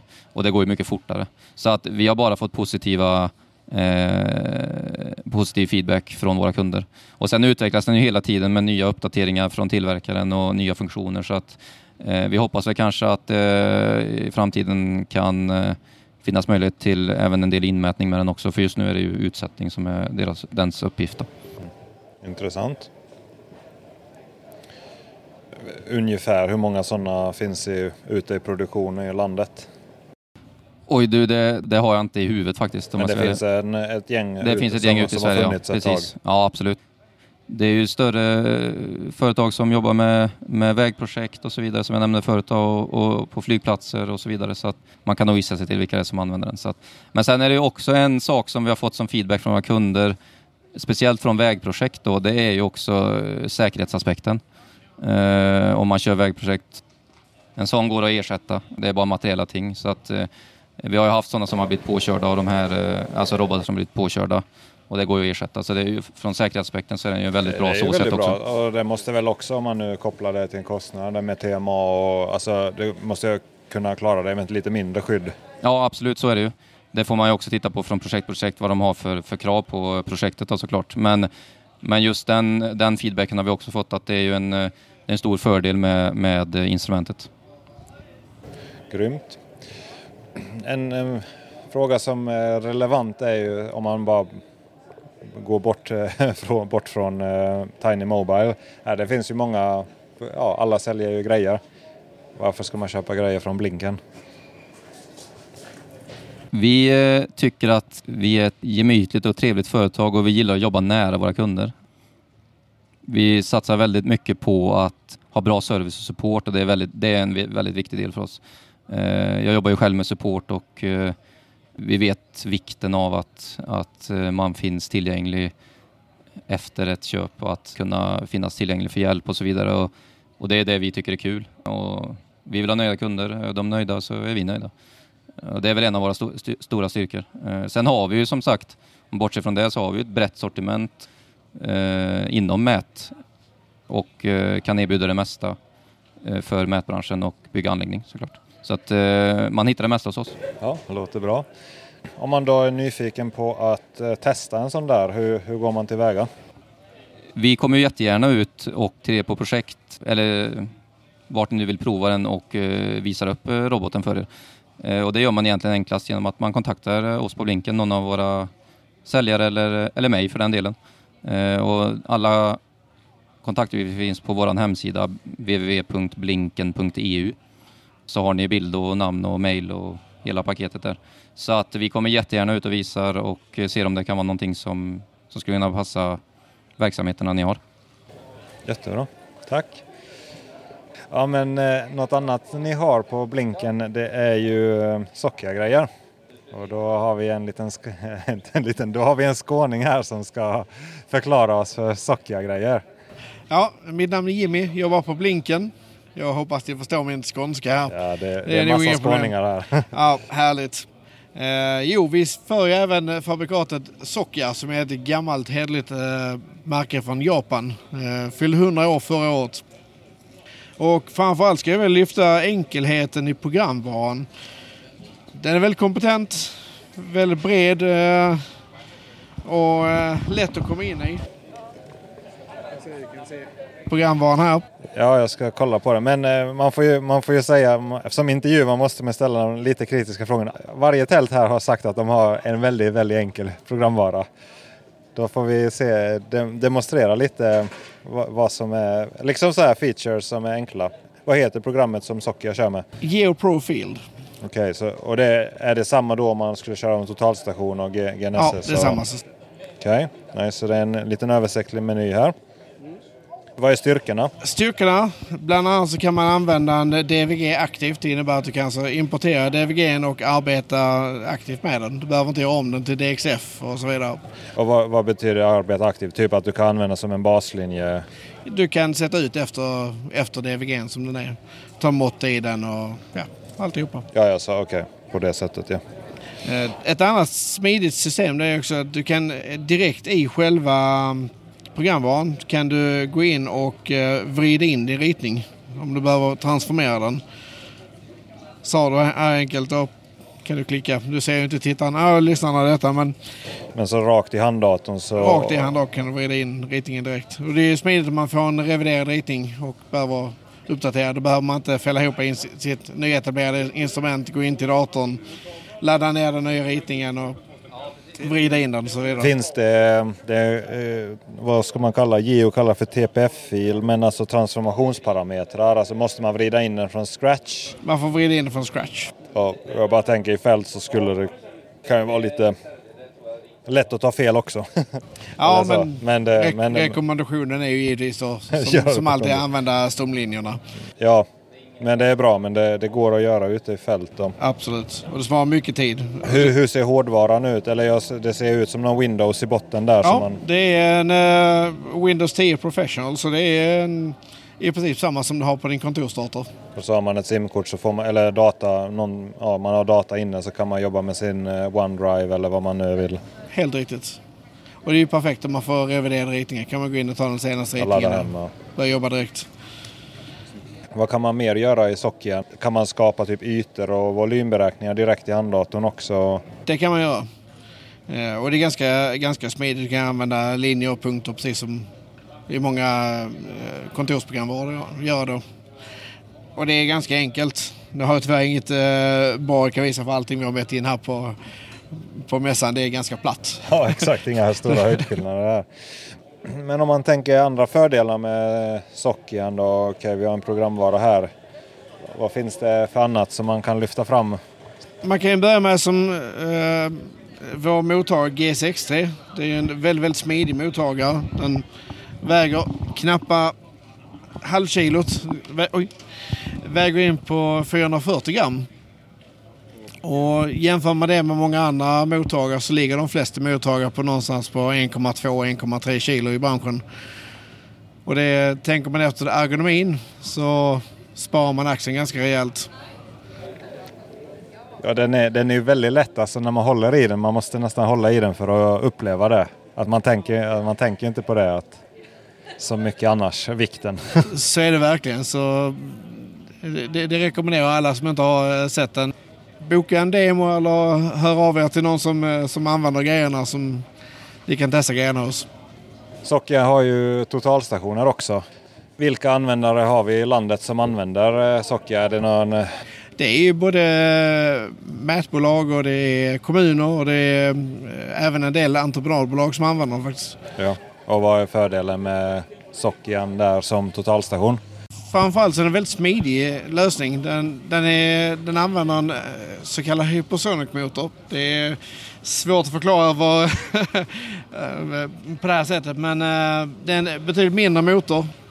Tekniken gör att den blir mindre effektivare och lättare. Okej, så det väger mindre än liksom Precis. eh, Och stationen är cirka 30 lättare än traditionella stationer och storleken likaså. Ja, och det gör ju när man konkar på grejerna så Precis. det plockar på. Noggrannheten, är det, det är full, eh, alltså det är sekund så... Ja, det finns eh, allt ifrån halv sekunds hela vägen upp till sju sekunders. Ja, så det är typ same, industristandard. Precis.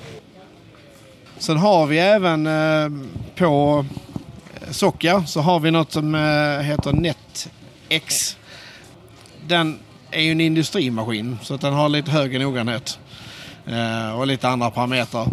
Eh, Ja, då- berätta om det. Ja, jag kan berätta lite kort om det. Bland annat så har vi då ett annat prisma som man behöver använda.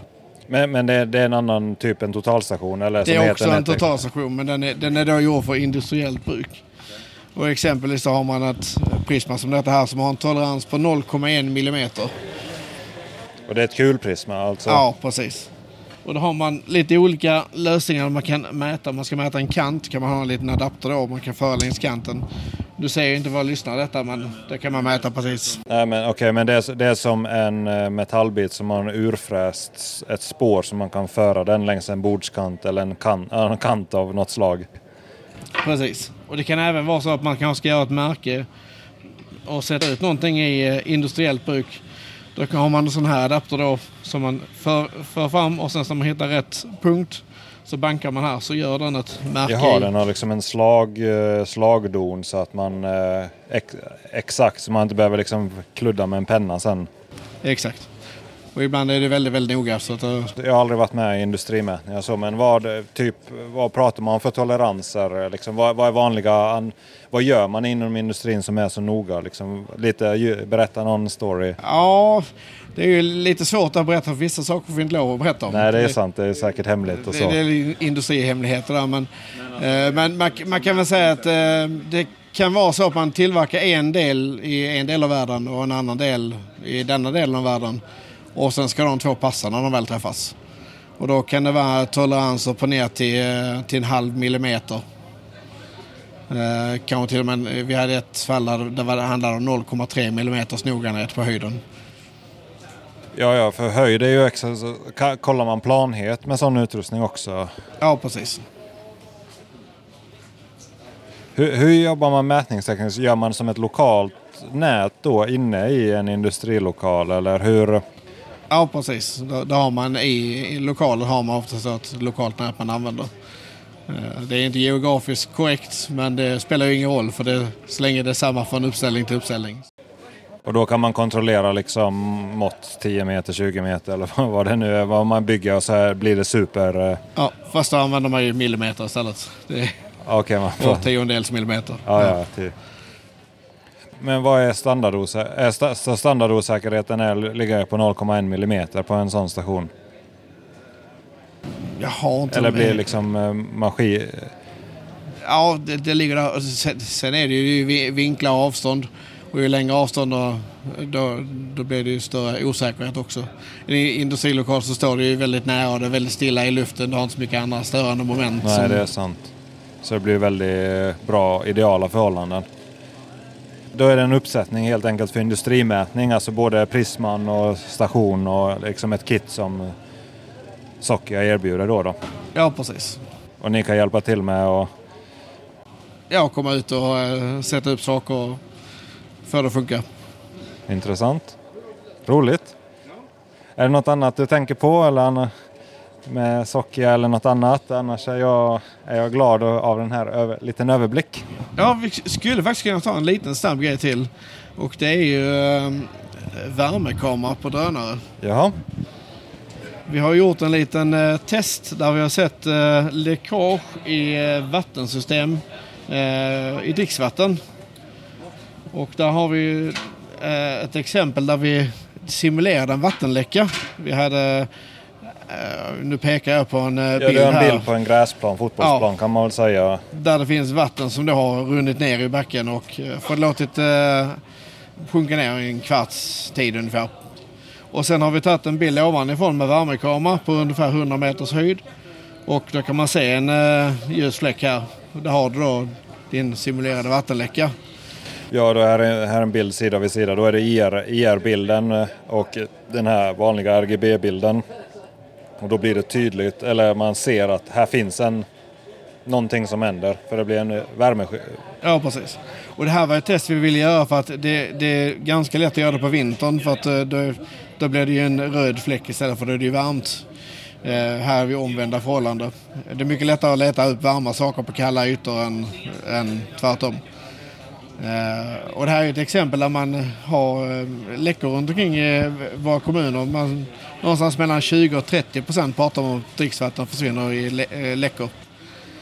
Ja, det är en eh, häftigt användningsområde. Det har jag aldrig hört talas om. Läcksökning. Men det måste ju vara, eller hällde ni vatten på ytan? Alltså hur, eller man tänker att det blir en vattenläcka, att det tränger upp till ytan? Ja, normalt sett så tränger det upp till ytan. I detta fallet här så gjorde vi så att då hällde vi ut eh, kan vara ett 8 liter vatten kanske, det var en 10 liter sunk så det var nästan allt. Men bara en hink? Så, och det blir så Bara pass, en hink, ja. så pass skillnad? ja. Och det lät, vi, lät det vara, det var 25 grader i luften ungefär, det var solsken. Så att efter en kvart ungefär hade vi den här tolerans, den här skillnaden på, på bilderna. Intressant. Hur pratar man om IR-kameror, alltså upplösning eller hur definierar man liksom hur- 100 meter? Alltså hur, hur bra, vad har de för upplösning? För de brukar vara betydligt, betydligt sämre. Alltså kan vara rätt så få pixlar. Det är under en megapixel i alla fall. Eh, det är inte, det är inte jättehög upplösning, det är det inte. Eh, men det behövs samtidigt inte ha så hög upplösning. Det viktiga är att man kan urskilja detaljerna så man vet var man är någonstans och letar. Eh, vilket man tydligt gör här. Vi gjorde ett test med föregångaren till den här. Det här är Mavic 2 Enterprise Advanced då. Och den har till skillnad från föregångaren 17 gånger högre upplösning. Så då kan du själv tänka dig hur, hur låg upplösning den gamla modellen hade jämfört med denna. Men då körde vi, då flög vi över ett område med fjärrvärme och då kunde man se ledningarna i marken. På sommartid också eller? Nej, på- på man- vintertid På vinter. Men, Ja. men det, det brukar ja det kan man nästan se i snön liksom. Att det, men ja, ibland, ibland kan man säga det så. Men det, det ska ju egentligen inte läcka någon värme från fjärrvärmeledningar överhuvudtaget. Men det- men det det, det läcker lite grann. Eh, och när vi mätte det hade väl kanske en, en grads skillnad på asfalten. Så det, det är ju inte jättemycket det skiljer men det, Nej, nej, men det, det- var väldigt tydligt att se, se ändå. Det var intressant läcksökning. Jag, vet, jag har bara tänkt på byggnadsinspektioner har jag sett lite att man flyger för att se lite läckare. Finns det andra liksom så här annorlunda eller liksom eh, in, ja, användningsområden av IR-kamera? Och eh, ja, Ja, man använder det bland annat till att kontrollera solceller. Eh, jag har själv inte sett detta i verkligheten men jag har ett par kollegor som har testat det och det, eh, det, det, det blir en annan temperatur på de cellerna som är på väg att bli trasiga eller som är trasiga. Eh, Jag vet inte om de blir varma eller om de blir svala men det, men det, det, det det skiljer en temperatur. temperaturskillnad. Ja. Så det, det är något som används också. Intressant. Så det, det, det är intressant. Ja. Hur, hur gör man om man nu har en drönare och ja, men jag vill ha IR-kapabilitet? Hur gör man? Är det liksom någonting man monterar på eller är det en sensor man Nej, köper? Alltså, det beror på vad det är för drönare man använder. Eh, som eh, den vi har här framför oss så då är det ju med från början. Eh, och sen har vi då i taket som svävar över, över oss här så har vi eh, en som heter IBX. Det är en så kallad vingdrönare så att det är ju ingen eh, quadcopter utan eh, då är det en stor vinge med propeller. Eh, den kan man byta sensor på så där kan man sätta i en värmekamera om man inte har den från början. Eh, Det här är också världens första C2-klassade drönare. kan man intressant att nämna. Och C2-klassning för en som inte flyger drönares. Ja, det, det är någonting som... eh, De behöver ju vara klassade efter eh, januari om vi inte har någon mer dispens på övergången här. eh, Till de nya reglerna som gäller. Alltså det är typ EU-regler då eller? Ja, ja. Och det är, det är ju då vikt och lite annat som faller in där vilken, vilken typ av klass det är. Men den är i alla fall klassad. Ja, jättebra. Det här är ju en fixed wing, alltså det ser ut som en enda stor vinge i någon eh, plast eller eh, cellplast eller vad det är. När börjar det bli lönt eller när, tänk, istället för att flyga med en sån här fixed wing istället för en, eh, ja, en vanlig sån här ja, quadcopter eller fyrpropeller? Det, det är ju framförallt om man ska ha större arealer. För det, den, den har ju en annan hastighet och ett annat sätt att flyga på. Den går ju upp i, ett, i spiral, eh, spiralmönster när den lyfter. Och sen eh, flyger den, och zigzagmönster på, på de här ytorna då och sen landar de på samma sätt. Men den flyger betydligt snabbare än vad en eh, quadcopter gör då. Har du någon uppfattning om vart det börjar bli liksom i, när man, i storleks, ytstorleksordning man börjar löna sig? Ja, nej. Nej, vi klipper, bort det. Det är lite grann vad man flyger också. Okej. Eh, Vad är lämpligare att flyga med en sån? Ja, men allting som är lite mer öppna ytor är en fördel. Eh, när, när det blir mycket hus och mycket detaljer på fasader och så, så är det svårt att lyckas ta bra bilder. För det har ju med vinklarna att göra. Det är ju sant att en quadcopter kan du flyga liksom kanske vinkla mot en fasad och så. Och du kan egentligen flyga riktad rakt mot fasaden och flyga längs med hela fasaden och sen upp ett par meter och sen flyga likadant. Ja. Zigzag där. Och det, och det kan man ju inte med den här eftersom Nej, den beter sig mer som ett flygplan då. Kul, men IR-kamera då är det liksom nya sensorer. Finns det andra sensorer som är på gång eller hört talas om? Alltså, eller, Det finns ju något som heter multispektral som eh, kan se bland annat eh, hur mycket kväve det finns i marken. Eh, och det är ju framförallt intressant för större jord, jordbruk då. Eh, allting har blivit dyrare nu, nu för tiden och eh, all konstgödsel det har ju gått upp en... Jag vet inte, sjukt mycket, typ tre, fyra gånger. Ja, jag hörde någonting sex, sju gånger till och med nu. Och då, då är det så att då vill man inte gödsla i onödan. Och där kan man då flyga med en multispektral kamera och sen har jag hört att man kan koppla ihop detta med, med gödselaggregatet och med någon GPS så att de Jaha, men då helt enkelt får man någon form av indikation på hur kväveinnehållet och så gödselbehovet och så Precis. traktorn som fixar ihop det där. Så då, eh, då sparar man in på de pengarna. Och det är, i större jordbruk så kan du ju definitivt spara, spara in mycket pengar.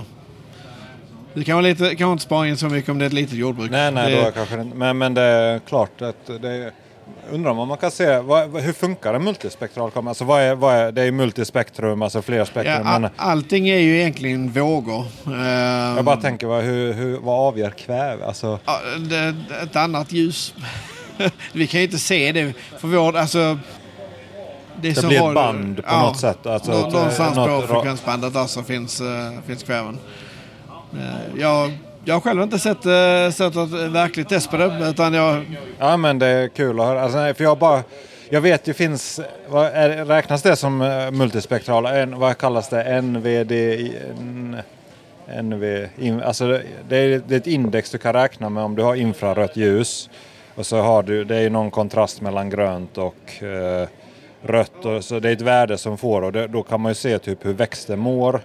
Har jag sett giskillarna håller ju på med det där ibland och det, är- det är även de använder det för att leta barkborre. Eh, hur det funkar vet jag inte riktigt. Men eh, jag vet att där, där har du även en, en temperaturskillnad. Men, men räknas det som en multispektral kamera eller IR? Eh, Nej, det är det inte för den tar ju... Eller egentligen alla kameror är multispektral. För de så tar ju RGB, olika... ja. Ja. det är bara hur många band. Ja, men multispektral är det betydligt bredare, bredare index man har. Plus man har ju oftast flera linser som tar flera olika spektrum. Okej, ja det där får vi leta upp någon expert i. Ja. ja, men det var kul att höra talas om det. Nej, men okej då. Superbra, då har vi fått lite om eh, drönare också. Och värmesökning och användningsområden av andra filter. Tack så mycket. Tack själv. Det var ju reportagen då från Entreprenad Live där då.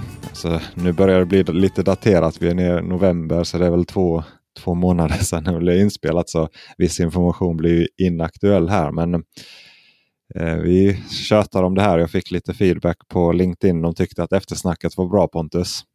Trevligt. Ja, så, det, så vi kan väl spåna lite. Vi gör väl så att vi pratar om ämnena här då. Ja, det låter bra. Jag vet inte vad du fastnar för där för, från Geofix där. Det var ju lite Surveypodden där de pratade om offensiv eh, rörelsemonitöreringssystem. Ja, precis. Ingen, var, ingen av de två har jag egentligen kollat på något alls. Rörelsesensorerna det hade jag inte ens hört talas om. Men den eh, kan jag ju definitivt eh, se fördelar med.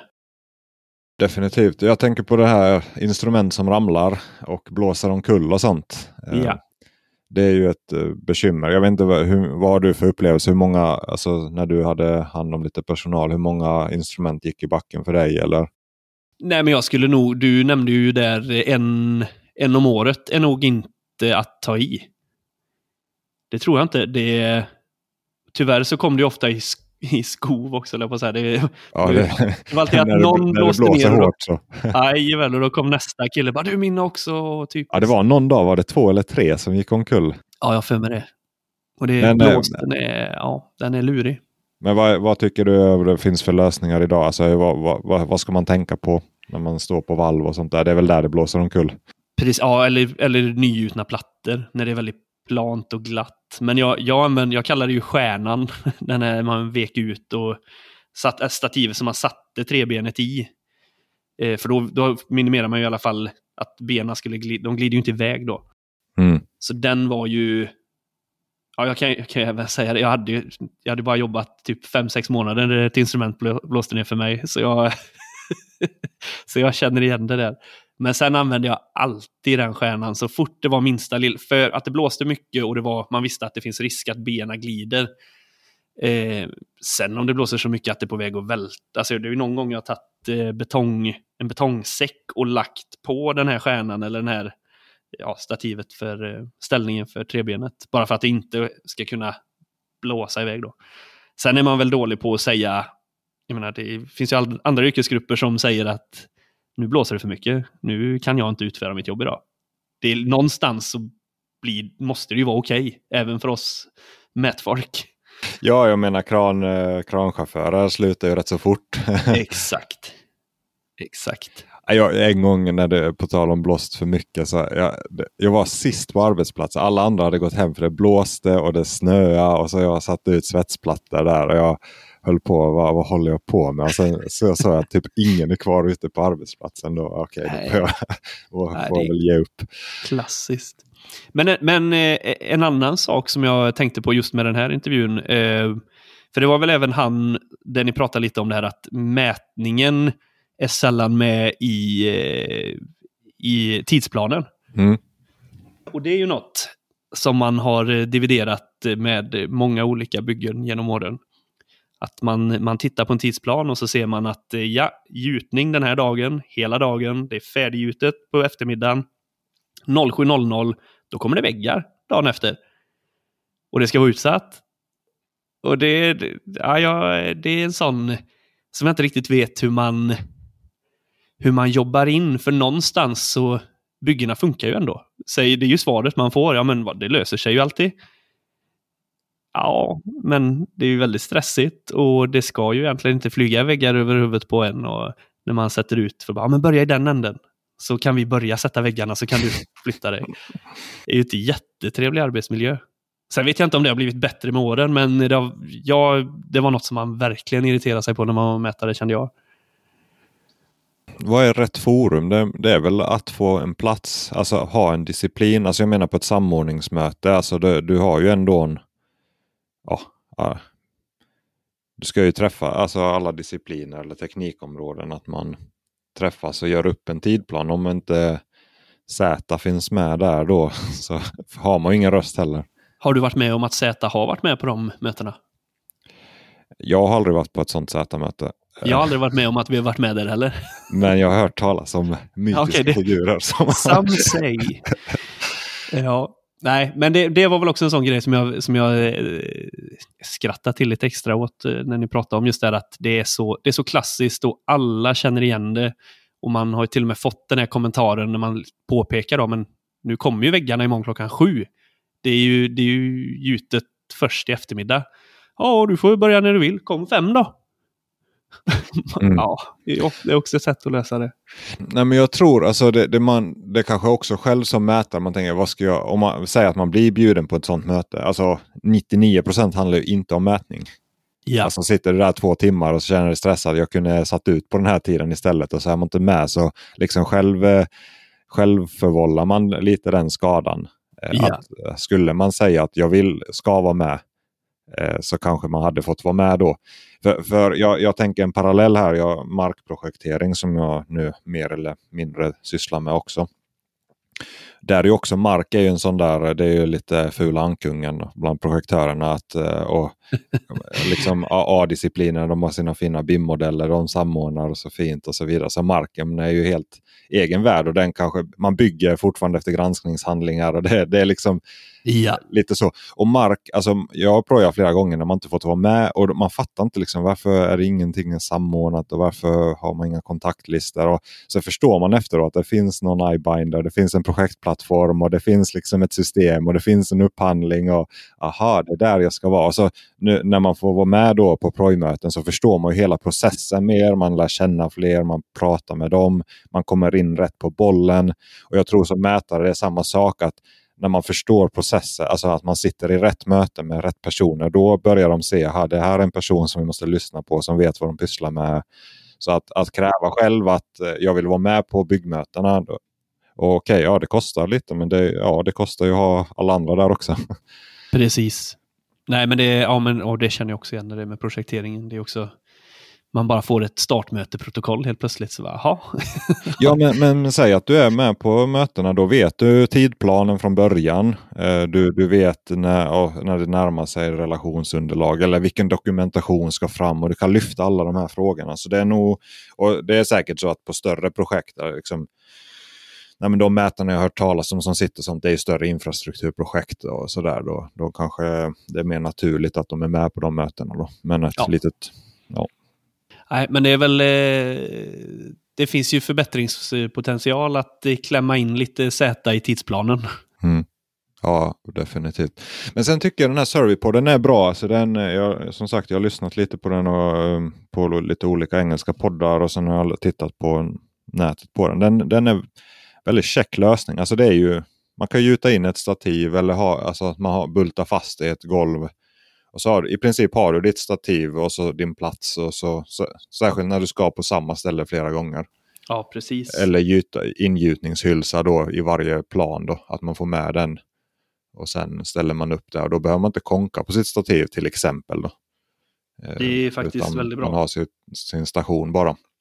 Så det, det är i alla fall en produkt som är helt klar. Jag tror helt... Skulle jag ha haft den då när jag satte ut så skulle jag, den skulle jag köpt. Då. Det, Ja. Den var inte dyr i förhållande.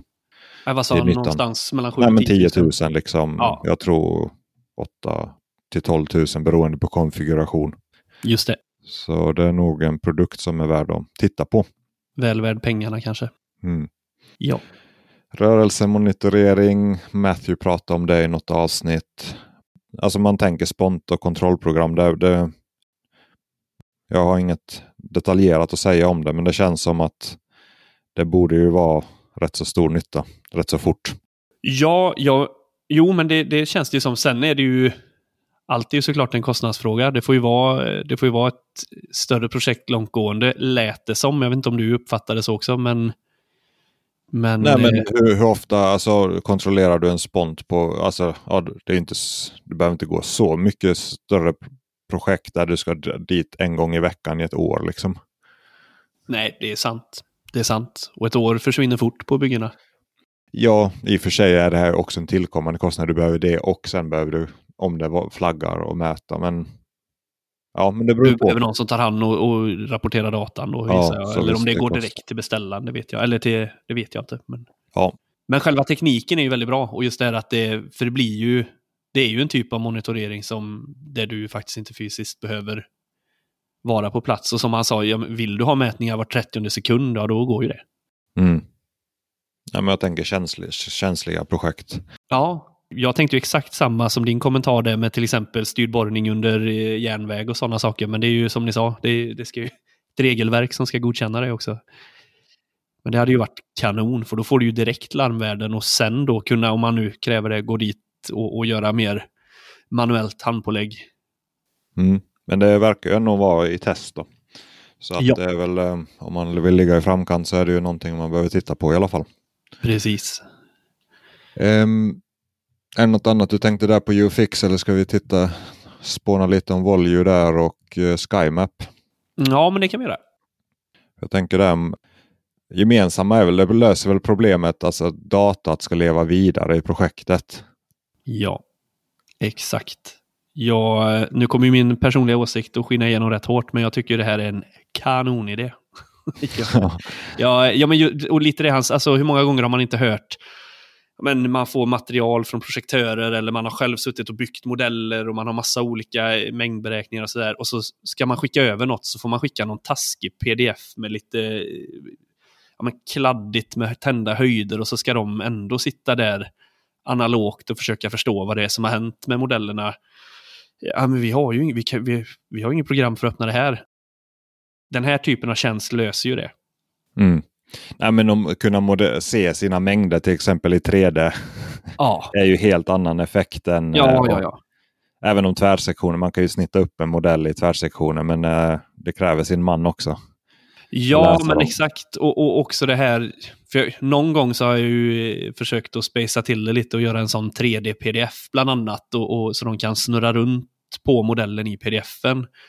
Och det, det är klart, det, det tycker de ju är jättebra, men det blir ändå inte, har man sett de här portalerna, eh, som till exempel SkyMap, så, så det är ju väldigt eh, schysst visuellt. Eh, och framförallt när du då har, det bygger ju på flygningar, så du har ju ett, eh, ett färgsatt eh, punktmål eller en, en eh, drapererad, drapererad yta. Så du ser det, det, blir väldigt lätt, även om du inte är proffs på modeller eller på, på att tolka data för övrigt så, så kan du, jag tror, jag tror min farfar hade fattat om jag visade honom vart grejerna var. Och, så det, det, det blir väldigt lätt att förstå.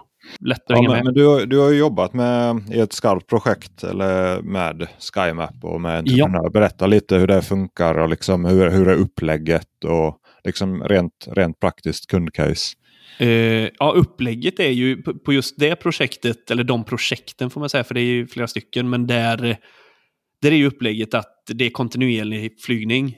Och det är ju för allas skull. Det är ju för, dels för entreprenören själv. Vi jobbar ju åt en markentreprenör i det här fallet som vill dokumentera sin framdrift eh, och få koll på hur det ser ut kontinuerligt. Men då har ju de också ett väldigt bra underlag att bolla med beställaren. Eh, och i SkyMap då eh, så får du ju, då lägger sig ju allt detta i eh, kronologisk ordning med flygdatum. Så du väldigt lätt kan gå bakåt och framåt och se, se vart, eh, om du vill backa bandet, hur såg det ut för, för förra flygningen eller för två månader sedan? Så det är väldigt lätt att backa bak och så kan du samtidigt då plocka in alla dina, dina ritningar och projekterade modeller. Det är också, det är också en fördel. Du kan, det är både 2D-data och 3D-data.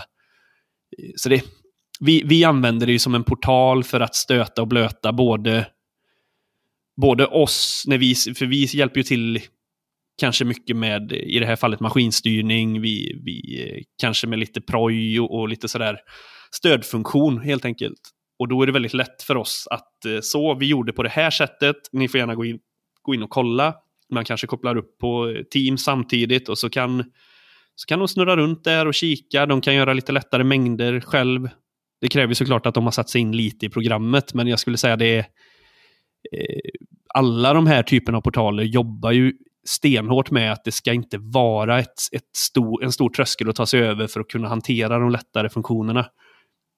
Utan det ska vara lätt att ta fram ett mätverktyg, ett ARIA-verktyg. Eh, sen är det klart att det finns eh, high-end eh, funktioner också, där det kanske krävs lite mer tid och lite mer intresse för att kunna göra. Men, men, men i grova drag, det här att bara kunna tända, släcka, du har en flygning, du tänder och släcker din kårritning för att se, ja men det kan vi se nu på senaste flygningen, vi har gjort så här många plintar. Där borta har vi lagt en hög, det kanske är dumt att ha den högen med material där, för vi ska ju snart dit. Ja, det, det blir väldigt lätt, eh, lättöverskådligt. Ja, det behövs ju inte. Alltså det är väl det. Man behöver kunna se all data, geografisk data på samma ställe. Det är ju, då, ja. då fattar ju alla och kan fatta beslut och fundera hur lägger vi upp det. Och Ja, och också komma med kommentarer direkt i, i eh, den här portalen att eh, ja, jättebra modell, men här ska vi verkligen göra så. Jag skulle vilja att modellen ser ut på det här sättet. Ja, då får ju vi den kommentaren med en gång och så kan vi rätta till, lägga upp på nytt och så kan de granska och säga ja, det blir jättebra och så pumpar vi ut i maskinerna. Mm.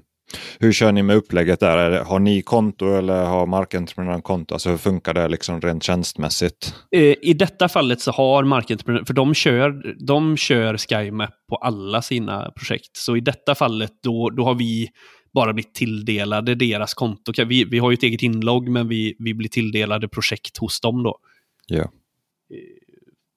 Men sen såklart, det finns ju, det finns ju eh, en vinning för konsultföretagen att själva ha, ha ett, eh, ett eget konto och konsulta tjänsten. Det måste ju inte vara att, att eh, ja, men i det fallet markentreprenören har sitt egna konto egentligen. Men det är ju lite, det är lite hur man vill lägga upp det och hur, kanske hur stor firman, den markfirman är och, sådär.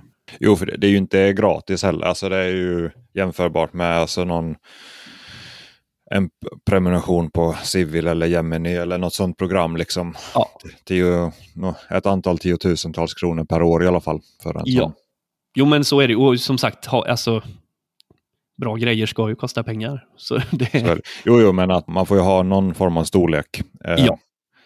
Eller flera projekt. Men, men känns som en medelstor markfirma uppåt är ju liksom mer eller mindre givet att någon, någon sån här tjänst borde man ha. Ja, för det fungerar ju som sagt både som visuellt verktyg, du kan göra lite lättare mängdberäkningar och sånt, men du kan ju också um, använda det som en projektportal. Mm. Nu skulle det varit sponsrat avsnitt, men det är det inte. Nej, ja, det var lite det jag menade i början, att det kommer lysa igenom mina, vad jag känner, vad jag tänker. Ja, jo, Jon, om du lyssnar, du får sponsrat avsnitt här. Så. ja, nej, men, och, men som sagt, konceptet eh, är väldigt bra. Mm. Och Det är skönt att det börjar komma någon så här lösningar. Det finns inga kompletta lösningar. Det här, och, det, och, det, och det är kul att man ändå har det här API-tänket som Volvo där. Att man, och Moba då, att man kan trycka ut modeller till varandra utan att manuellt behöva logga in överallt. Och att de här kopplingarna. Ja men exakt. Kommer. Exakt. Och sen eh, för att, för att eh, lite så vända runt på myntet. Eller SkyMap är ju inte heller en komplett produkt, men alla går åt rätt håll och det är en snabb utveckling och det är väldigt eh, både roligt och lite skönt som branschman att känna att branschen hänger med i hur vi, vi som jobbar dagligen vill ha det. Ja, det ska bli intressant om de här stora ger ett bra, en bra produkt som ä, försöka äta den kakan. Alltså Autodesk Cloud har ju, mm, de har ju, det känns som ett väl, rätt så komplett för bild eller liksom för bygge. Både med um, liksom motsvarande iBind, alltså projektportal med ritningar och modeller. Och där kan du göra all ha dina modeller, BIM-modeller, du kan titta på dem på nätet och du kan typ spränga dem. Du har en take-off-modul som vi, om, om du har en IFC-modul eller modell så kan du spränga den och så kan du liksom se att okej, okay, här är 30 pålar och här är si och så många kvadratvägg och du kan markera dem. Och där har de väldigt bra, men de har inte det för mark. Man kan inte ha civilmodeller och alltså XML och eh, vilket är deras nackdel. Alltså än så länge Mark är lite fula ankungen så SkyMap löser ju mark, markproblemet där då. Exakt. Autodesk eller viewern om man inte använder det. Det är ju till exempel om man eh, har Civil 3D då, eller AEC-licensen åtminstone, så kan man eh, göra en så kallad shared view, alltså dela en vy och då länka den hela modellen eller göra en webbtjänst. Man behöver ingen inloggning, man skickar en länk och då ser man alla modellerna i det. Man kan vrida på dem. Det finns lite enklare snittverktyg och man kan mäta. Men det är som du säger lite för kaddare. Alltså man, man ska ju gärna veta hur det funkar. Om man inte vet vad Auto, Autodesk-viewen där, det är ju att det är som en delad länk. Man, man kan skapa en vy till sin modell och då är de modellerna man har där, de, ja, det blir som en länk som man inte behöver logga in i och så kan man titta där då och vrida och så. Och man kan läsa ut information och man kan mäta. Men, men det är ju lite som du sa, kad, från kaddare till kaddare. Ja, det är rätt så enkelt men det är ju ändå att eh, det är mycket termer där som eh, man behöver kunna. och Jag har skickat det till några gånger till några och det är inte alla som vet hur man använder den för man förstår inte interfacet. Det är, det är lätt om man är van vid datorer men det är inte lätt om du bara är van vid telefoner. Liksom en enkel webbsida. Men det, är ett, men det är ett väldigt effektivt och uppskattat verktyg att överhuvudtaget kunna dela modeller. Så jag har det som standardleverans. Alltså om jag gör mängder, man får tvärsektioner, man får schakt och fyllplan. Men man får också den här 3D vyn som man kan titta på, vrida på och förstå. Så det är ett jätteeffektivt verktyg. Då. Ja, men det, den är faktiskt väldigt bra. Och även på större projekt där det finns BIM-modeller, men projektledarna, eller alltså platschefer och arbetsledare, de har ju inga BIM-program eller CAD-program för att öppna dem. Men då kan man också skicka bara en webbaserad länk så de kan gå in och titta på, på den färdiga byggnaden i 3D och snurra runt och mäta. Och så. Det brukar uppskattas väldigt mycket. Ja, det finns mycket att säga, men det, det är bra att det, det finns lite sådana här tjänster. Då. Eh, lite annat då, Norsekraft och Petri där. Eh, totalstation utan okulär. Vad, vad tänker du på när du hör talas om det? då? Jag tänker att det är dit många verkar gå. Det är ju, han kallar ju det robot. Jag vet ju flera, både Hilti och Leica bland annat har ju robotar. Tanken är väl att Eh, de ska bli mer mer självgående. Ni pratar väl om yrkesgrupperna ni också med bland annat ja, prefabutsättning kanske, jag vet inte, betonghåltagning vet jag Hilti gör mycket reklam för. Att man själv ska kunna, att det ska vara en, ett, ett verktyg för eh, arbetarna och inte bara för Z-disciplinen. Nej, just Hilti när du säger det. De har väl en håltagningsrobot också. Som, alltså det är som tänk dig en skylift. En liten skylift med en robotarm som har hål, hålsåg eller borr. Och så styrs den via en sån här eh, robottotalstation. Alltså, Exakt. Maskinstyrning. ja, ja, men det kan man säga. Men eh, och sen varför man, ja det är väl såklart kanske för att komma ner i kostnad, att det ska bli, jag tänker varför man tar bort siktet. Eh, ett sätt är väl att du, för du, du blir tvingad att etablera mot prismer. Och då krävs det ju att en sakkunnig har satt upp dem och koordinatsatt dem, dem korrekt. Så det kanske är också för att minimera fel. Ja men, men visst är det. Alltså det, Jag tänkte exakt samma sak. Varför ta bort det? Men det, det gör ju, dels drar du ner lite på kostnaden och optiken måste, det måste väl ändå kosta lite. Den blir lite mer värdetålig och det blir mer som en box. liksom att Den känns inte lika um, vad kallar man det på svenska? Intimidating på engelska. Alltså, man, man blir lite rädd för den när man ser Nej. den här totalstationen. Alltså, för det ser ut som en laser, det ser ut som en plastbit. Liksom, som ja. eh, och, men, men, också att, um, som du säger, det blir automatisk uppdelning. Du kan inte börja freestyla med reflexer och tuschpennor och grejer. Utan du, du måste ju ha någon som du måste ha en mätkonsult, eller en mätare i alla fall, som sätter upp prismer och kör hela grejen med nätet. Precis. Precis. Nej, men, så, men själva konceptet, det är ju ett förståeligt steg.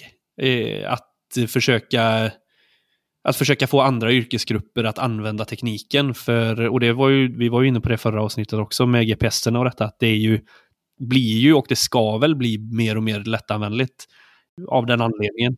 Jag menar när du har en totalstation, om den, man säger att man ställer upp den rätt och den blinkar rött när du inte eh, är jämn och den hittar prismerna själv för att någon har lagt in en fil.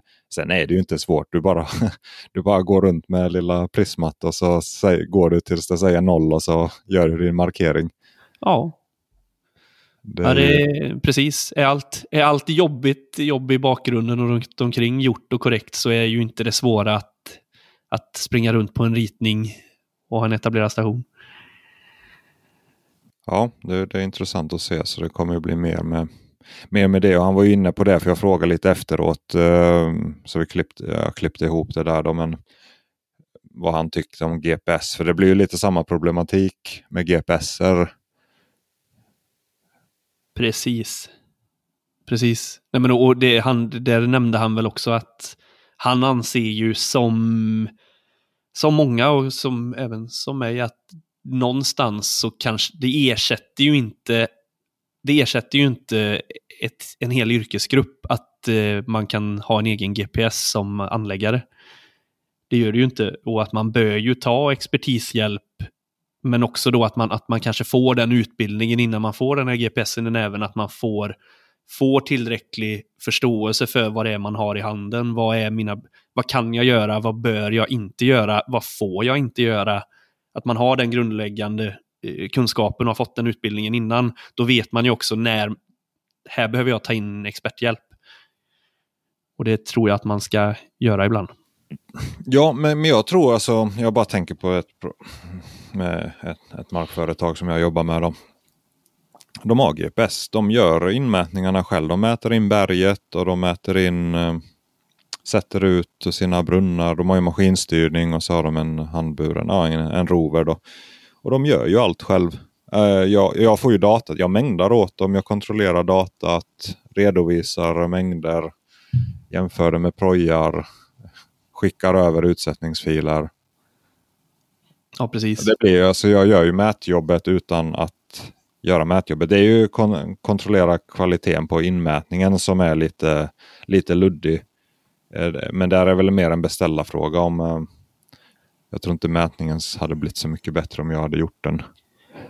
Nej, nej men, men just alltså, det är det jag menar. Och det var väl även det han var inne på eh, där också, Petri, där att det mycket, mycket kan man ju. Alltså, springa, vet man bara vart man ska sätta staven, trycka, trycka enter är ju inte svårt. Och har man fått lite lättare kodlistor hur man ska koda, då det är klart att väldigt mycket av det jobbet kan de ju göra själva. Men eh, som ett exempel så fick jag ju fick jag ju frågan, eh, eller frågan, jag fick kommentaren att eh, ett eh, anläggningsföretag som hade fått eh, att de måste ha kontrollprogram på en spont. Och när de började skicka in sina, sin data så fick de nedslag på att det här kan ni inte göra med GPS. Och då var han ja. jättesur och ringde till mig och bara beklagade sig och sa att ja, det är ju helt sjukt det här och vi har ju mätutrustning och då, vi får inte ens mäta med den. Det är ju jätte, den ger ju XYZ i rätt koordinatsystem. Nej, det, det var ett bra exempel.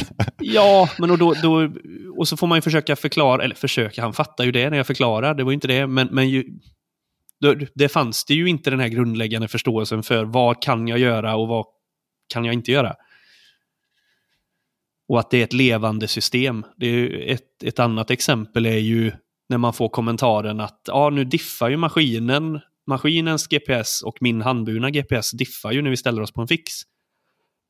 Ja, vi får kasta bort den här, eh, den här GPSen, var kommentaren. Jaha, var, varför då? Nej, vi får ringa, vi får ringa, eh, vi får ringa och säga det att den här får ni ta tillbaka för den stämmer ju inte. Så men hur mycket felar det då? Ja, det är ju fyra centimeter.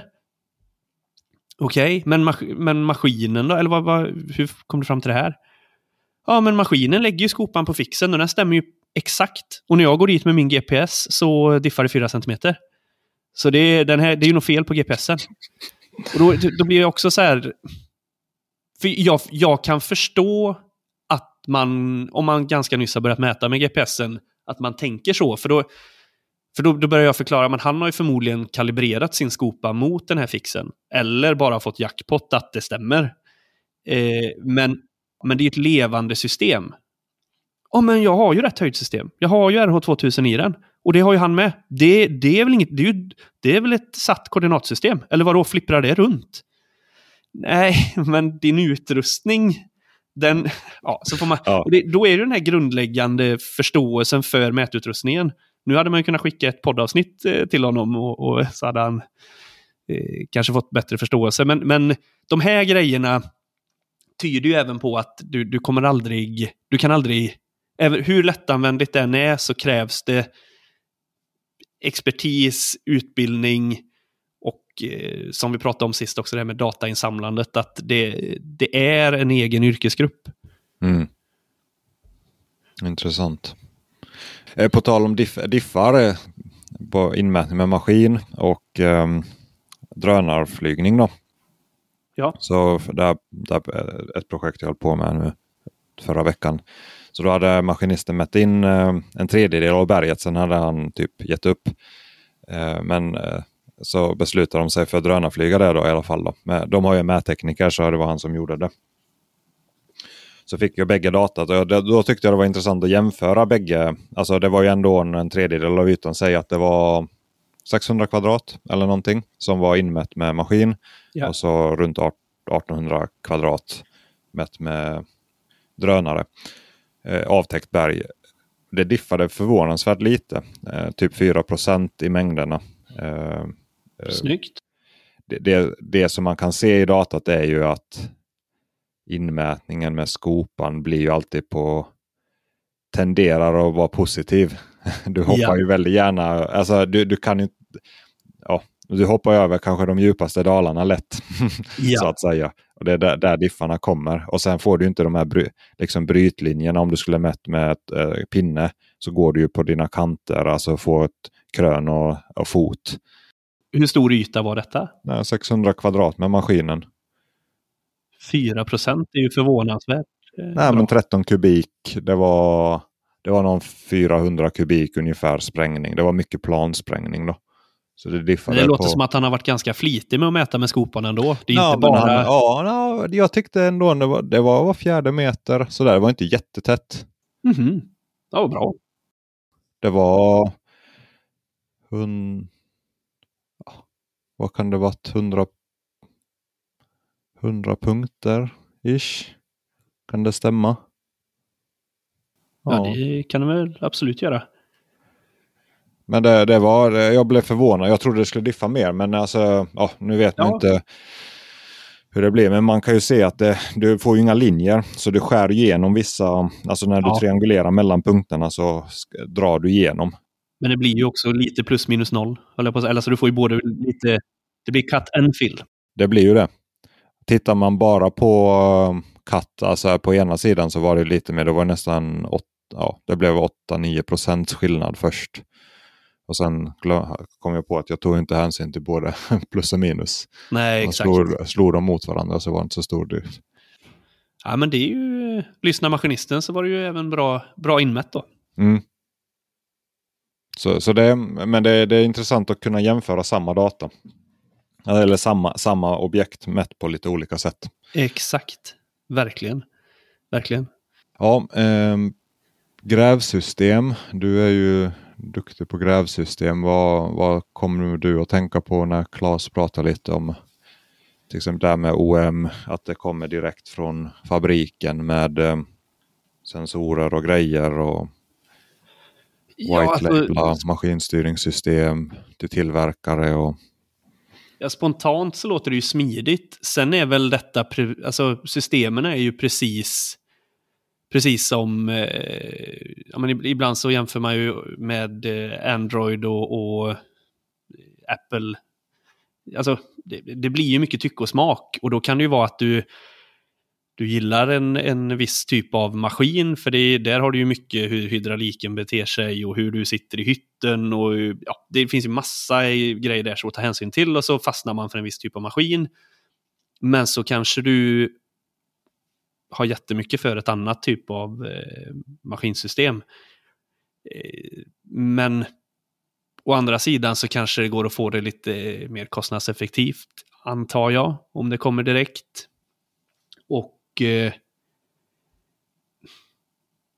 det är väldigt mycket tycke och smak i, eh, i systemen. Så att, så att, eh, för jag tror inte att man som, eh, nu, jag har ingen aning, men jag bara gissar att om man, om man eh, som maskinägare ska köpa en, en maskin så vill man nog inte känna sig låst till ett visst typ av system. Däremot, då skulle det snarare vara en, en branschstandard med all, alltså att sensorer och eh, kabl, kablage och eh, allt detta, att det, är, att det är en branschstandard med samma kopplingar oavsett, så att du kan ändå ha mycket färdiginstallerat på maskinerna från fabrik, men sen kan du ändå välja slut, slutprodukten själv då. Är det inte det som det går mot att um, det är ju sensorerna är ju, alltså det är ju vinklar och vinkelmätare och, och grejer liksom. Alltså det är sensorer. Alltså, nej men det, det vi pratade vi om det förra gången att som GPS är hårdvara är hårdvara. Liksom man, man, Ja, nej, eller ja, jag kommer inte ihåg vart jag pratade om det men jag bara tänker att man tänk, alltså som en GPS, du har åtta olika tillverkare. Man, man, tänk, man gör ju inga större tester. Liksom. Nu sa ju Petri till exempel att Topcon är kända för att ha bra täckning i svåra situationer. Men det är väl väldigt mycket magkänsla, en sån känsla. Alltså hur mycket tester gör man eller görs Och hur mycket testar man själv? Och man, man går till en säljare så testar man en, ja det här verkar funka och så kör man på det. Att hårdvar på något sätt känns ju hårdvaran har blivit liksom en, en mängdvara eller vad man ska säga. Att, eh, ja, jo men så är det ju. Sen är mjukvaran den stora skillnaden.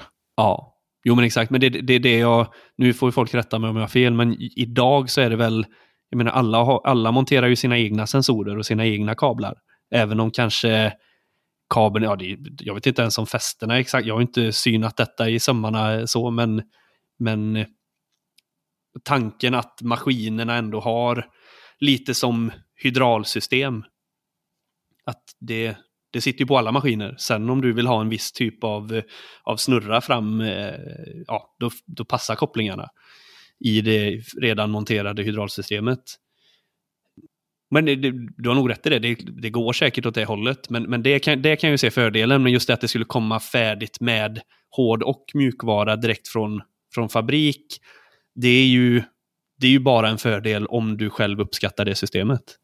Ja, sen är det väl, jag vet som Claes var det förra året jag pratade med honom, alltså om man tänker så här stora maskinparker, då är det ju helt annat. Man vill ha samma system på alla sina maskiner. Man vill bara trycka på en knapp och så nu har vi 100 maskiner här eller 200 maskiner. Då vill man, då vill man inte blanda system. Man vill bara ha samma allting. Det skulle jag ju vilja bara slå ett litet slag för. Ett tips i branschen. Gör så. Har ni många maskiner, kör samma system. Det blir alltid lättare. Ja, berätta. Varför säger du det här tipset? Nej, men eh, jag förstår tanken med att eh, ja, men, alla ska få köra det de, det de trivs med. Men det finns ju en anledning att de till exempel, vi pratade ju tidigare här med Volue och SkyMap, det här med integreringen att kunna, de pratar ju om att lätt kunna föra över filer oavsett maskinstyrningssystem, oavsett fabrikat. Och det säger de ju av den anledningen att det är inte samma. Det är olika. Och det är olika portaler, det är olika filtyper. Eh, även om man där också försöker gå mer åt LandXML DXF-hållet så är det, det är olika. Och det är ju tidskrävande. Menyerna är olika och maskinisterna, vem ringer de först när de har en fundering? Ja, de ringer ju de som har tillverkat modellen. Och då ska den som tillverkat modellen kunna fem, sex olika ledande systemsmenyer. Såklart kan man ju inte det fullt ut, men det är någonstans en underliggande förväntan. Eh, det blir alltid mycket lättare om alla på samma, eh, i alla fall inom samma företag. Jag fattar på stora entreprenader att du tar in många olika företag och då blir det vad det blir. Men eh, på samma företag så är ju tipset att komma överens om ett system och så kör det. Men belys lite det, alltså hur, hur mycket tid tar det? Alltså, säg du har en Topcom-maskin och så har du en Trimble-maskin och så har du en Leica liksom på samma jobb. Det är ju tre väldigt olika system. Då. Jag tänkte precis säga det, där valde du en svingod cocktail. Exakt, ja, nej, men bara för att illustrera. Alltså, eller ska vi, det är väl lika bra när man är inne på det, här, för det är väldigt intressant. Alltså så man kokar ner och allt vad allting handlar om. Att vilka system är lika varandra? Alltså om man vill bara spåna högt. Du har ju Leica, kör ju med XML och DXF och DVG, det funkar ju. Ja, den stora, den största skillnaden, om vi, om vi bortser från själva filtypen, så finns det två sätt system läser in eh, data. Och ett sätt som Leica kör och som Moba kör och eh, nu glömmer jag bort alla namn här, men, men Makin. Eh, Makin, exakt. Det, det är ju, man pratar filer. Och det är ju så du och jag är vana att jobba också när man kommer från JO-spåret, att man, man tänker filer. Så har du en DVG så är det en fil med data, den för du in, eller en DXF då. Har du en yta, en eh, TRM eller en LandXML så är det en fil. Eh, sen finns det ett annat sätt som eh, till exempel då Topcon och Trimble kör. De läser inte in separata filer utan du sammanställer lager. Du läser lager. Du ska i Trimble prata om att man, man skapar en design. Eh, och det är, det är två olika sätt att, att att köra på. Och det, men vet man inte om de två olika sätten, och jag tror, för mig var det ju en jätte, första gången jag stötte på en Topcon-maskin. Eh, så det är ju några år sedan nu, och så är man van att jobba med, med filer. Och så för man in, eh, man, man får höra då att de har sitt egna filsys- filformat. Och så tankar man hem en mjukvara för att kunna eh, omvandla då eh, DXF i det här fallet till deras linje, ja, linjefil. Och sen när vi matar in den i maskinen så har han alltså det vi skulle välja att kalla fillista. En mapp med alla, alla filer, med alla bakgrundsritningar. Jag har ju bara fört in en ritning, men i hans lista så har han ju ja, men 260 filer. Och då började jag titta, så bara, men vänta nu, det här är ju inte, det här är ju alla lager i DXFen. För den läser inte filen, den läser alla lager. När jag har gjort om detta så, så får du lagren.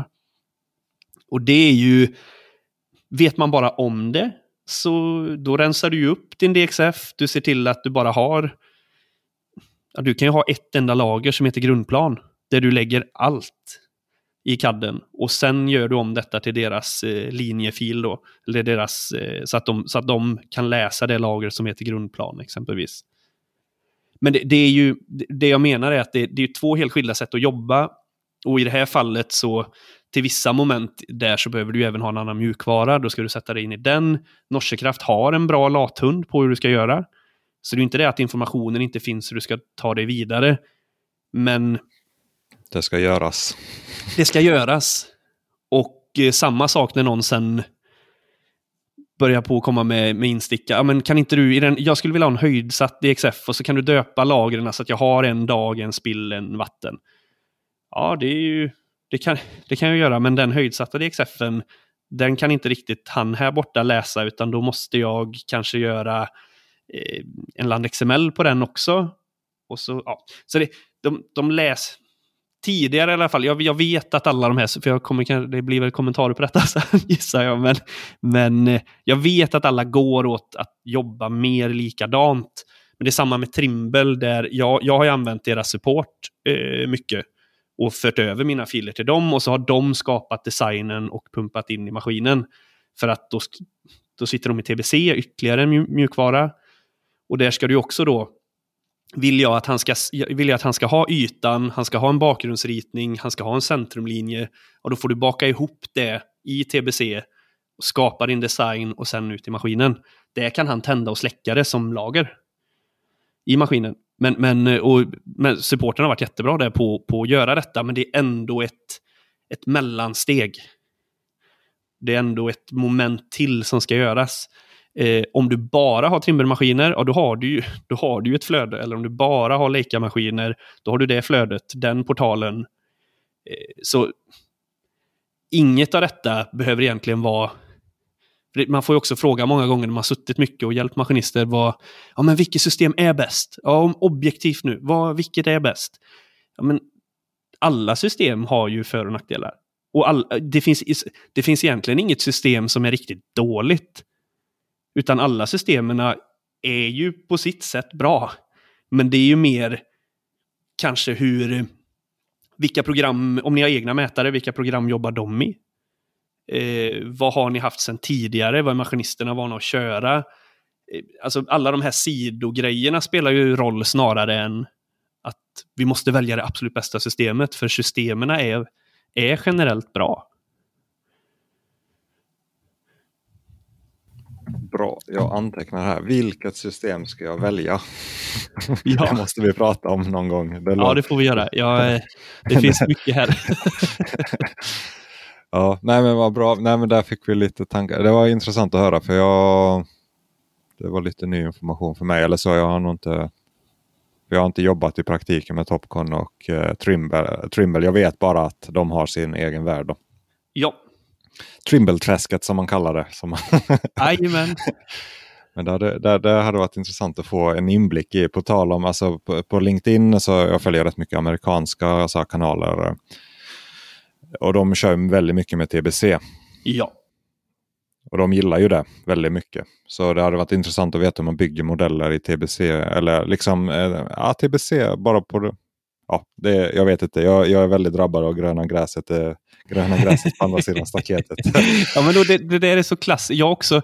Jag, Jag tänker ju likadant. Man, åh, man sneglar på nästa. Man har suttit och man har laddat hem, man har fått testlicenser på, men på TBC, eh, på eh, TopOCAD, eh, suttit i Geo, man sitter i Autodesk-program. Det är samma sak där. Programmen är ju generellt sett väldigt bra. Men det är ju vad, vad är du van sedan tidigare? Och det finns alltid någon funktion som är superbra i det programmet, men sen så fattas det eller helt saknas en annan funktion som du hade i ditt tidigare program. Så det, ja, ja, det är samma sak där. Det, det, alltså, mjukvarorna är ju bra. Men det är ju lite vad, vad är din... Vad, vad, håller du mest på med? Vad har, du, vad har du satt dig in i tidigare? För det ska man också ha med sig. Det tar ju tid att lära sig mjukvaror. Så har man, har man suttit länge i en mjukvara så kanske det inte är värt den instegstiden i ett annat för att komma åt två bra funktioner av 200. Mm. Där har så du man, det. eh, ja, Alltså vi säger det kostar 100 000 att köpa ett program då. Ja. Så kostar det ju minst 100 000 i läropengar att Ja. lära sig det, om inte mer. ja, det är nog precis, om inte mer. Absolut. Nu har vi hållit på ett tag där. Finns det något kort vi kan säga om Blinkens eh, grejer där? Har du, har du sett Tiny Mobile Robot i praktiken? Eh, nej, jag, jag har sett mycket filmklipp på det, på hur det funkar. Och jag har sett en robot live, men jag har aldrig sett den arbeta live. Så jag har eh, liksom lite så små... Jag vet mycket väl vad det är för något, men det hade varit kul att se, se den på live in action. Känns ju eh, spontant som... eh, Som, men som ni pratade om, jag, jag tänkte direkt på flygplatser, det nämnde han ju sen också. För det, eh, på tidigare företag så var vi inne en del på flygplatser och just, just för linjemålning och så, det, skicka ut den hade ju varit eh, väldigt smidigt. Eh, tror jag. Och parkeringen. Ja, de, har, de har ju gjort ny beläggning på vägsträckan jag kör på här hemma. Ja. Och där ser det ut som ja, utsättningen är gjord med någon form av maskinell system eh, för, för linjemålningen. Då. Så det, jag vet inte om det finns andra system där. Men det är ju inte handsprayat, det är väldigt rakt. Ja. Så ja, sak samma. Eh, den är intressant och jag tror också som man sa, det, det är mer framtidsspekulation. Men om man kan mäta in så. Jag tänker lite som när jag höll på med betongplattor. Då fanns det så här maskiner man drog på en betongplatta som egentligen registrerar höjd och djupskillnad relativt. Då, då fick man ett, ett, eh, ett tal på jämnheten, floor flatness, FFL, floor flatness level. Ja. Eh, Att då får man som en redovisning på det. Bara tänker att man borde ju kunna göra likadant med vägbeläggningar och liknande om man har ett, eh, vi säger med en, särskilt med totalstation och Prisma då. Och kan köra någon form av hjul på eh, en yta. Alltså nu finns det ju bilar som håller på specifikt med sånt men jag bara tänker sånt hade man ju kunnat ha som eh, fräsplan. Jag bara tänk, nu bara spånar jag. Fräsplaner, optimera fräsning på en asfalt, asfalterad yta när man eh, to, ska toppa och göra någon maskinstyrningsmodell för det. Mm. Eh, och man kan mäta in exakt istället bara för att en, någon går med totalstation och Prisma liksom och mäter in det. Exakt. Nej men ja, verkligen. Då hade man kunnat fått en grid. Så jag tänker en, en sån som går var, ja, två meters linjer väldigt precis och man får alla de brytlinjerna på ja, som en modell. Alltså, då blir det inte så fladdrigt som drönare eller lidarflygning heller. Alltså när man vill ha en exakt asfaltsyta. Jajamän. Det är en sån eh, spontan tanke som jag fick då när jag pratade med dem. Ja. Nej, det är, som sagt, jag tror det finns väldigt mycket an- användningsområden som, eh, får, eller som kommer växa fram. Det tror jag absolut. Ja, men eh, vi får lämna det där hen. Ja. Och tycker ni att vi sa något som inte stämmer eller har starka åsikter så får ni gärna dela med er av så kan vi ju lyfta dem. Det man, man säger ju det man har erfarenhet av och tänker och så. Men eh, det är roligt att höra feedback. Det, nu är det många som lyssnar så det är väldigt roligt och vi hoppas vi kan fortsätta med det här i, det här takten också. Tack och hej! Hej då!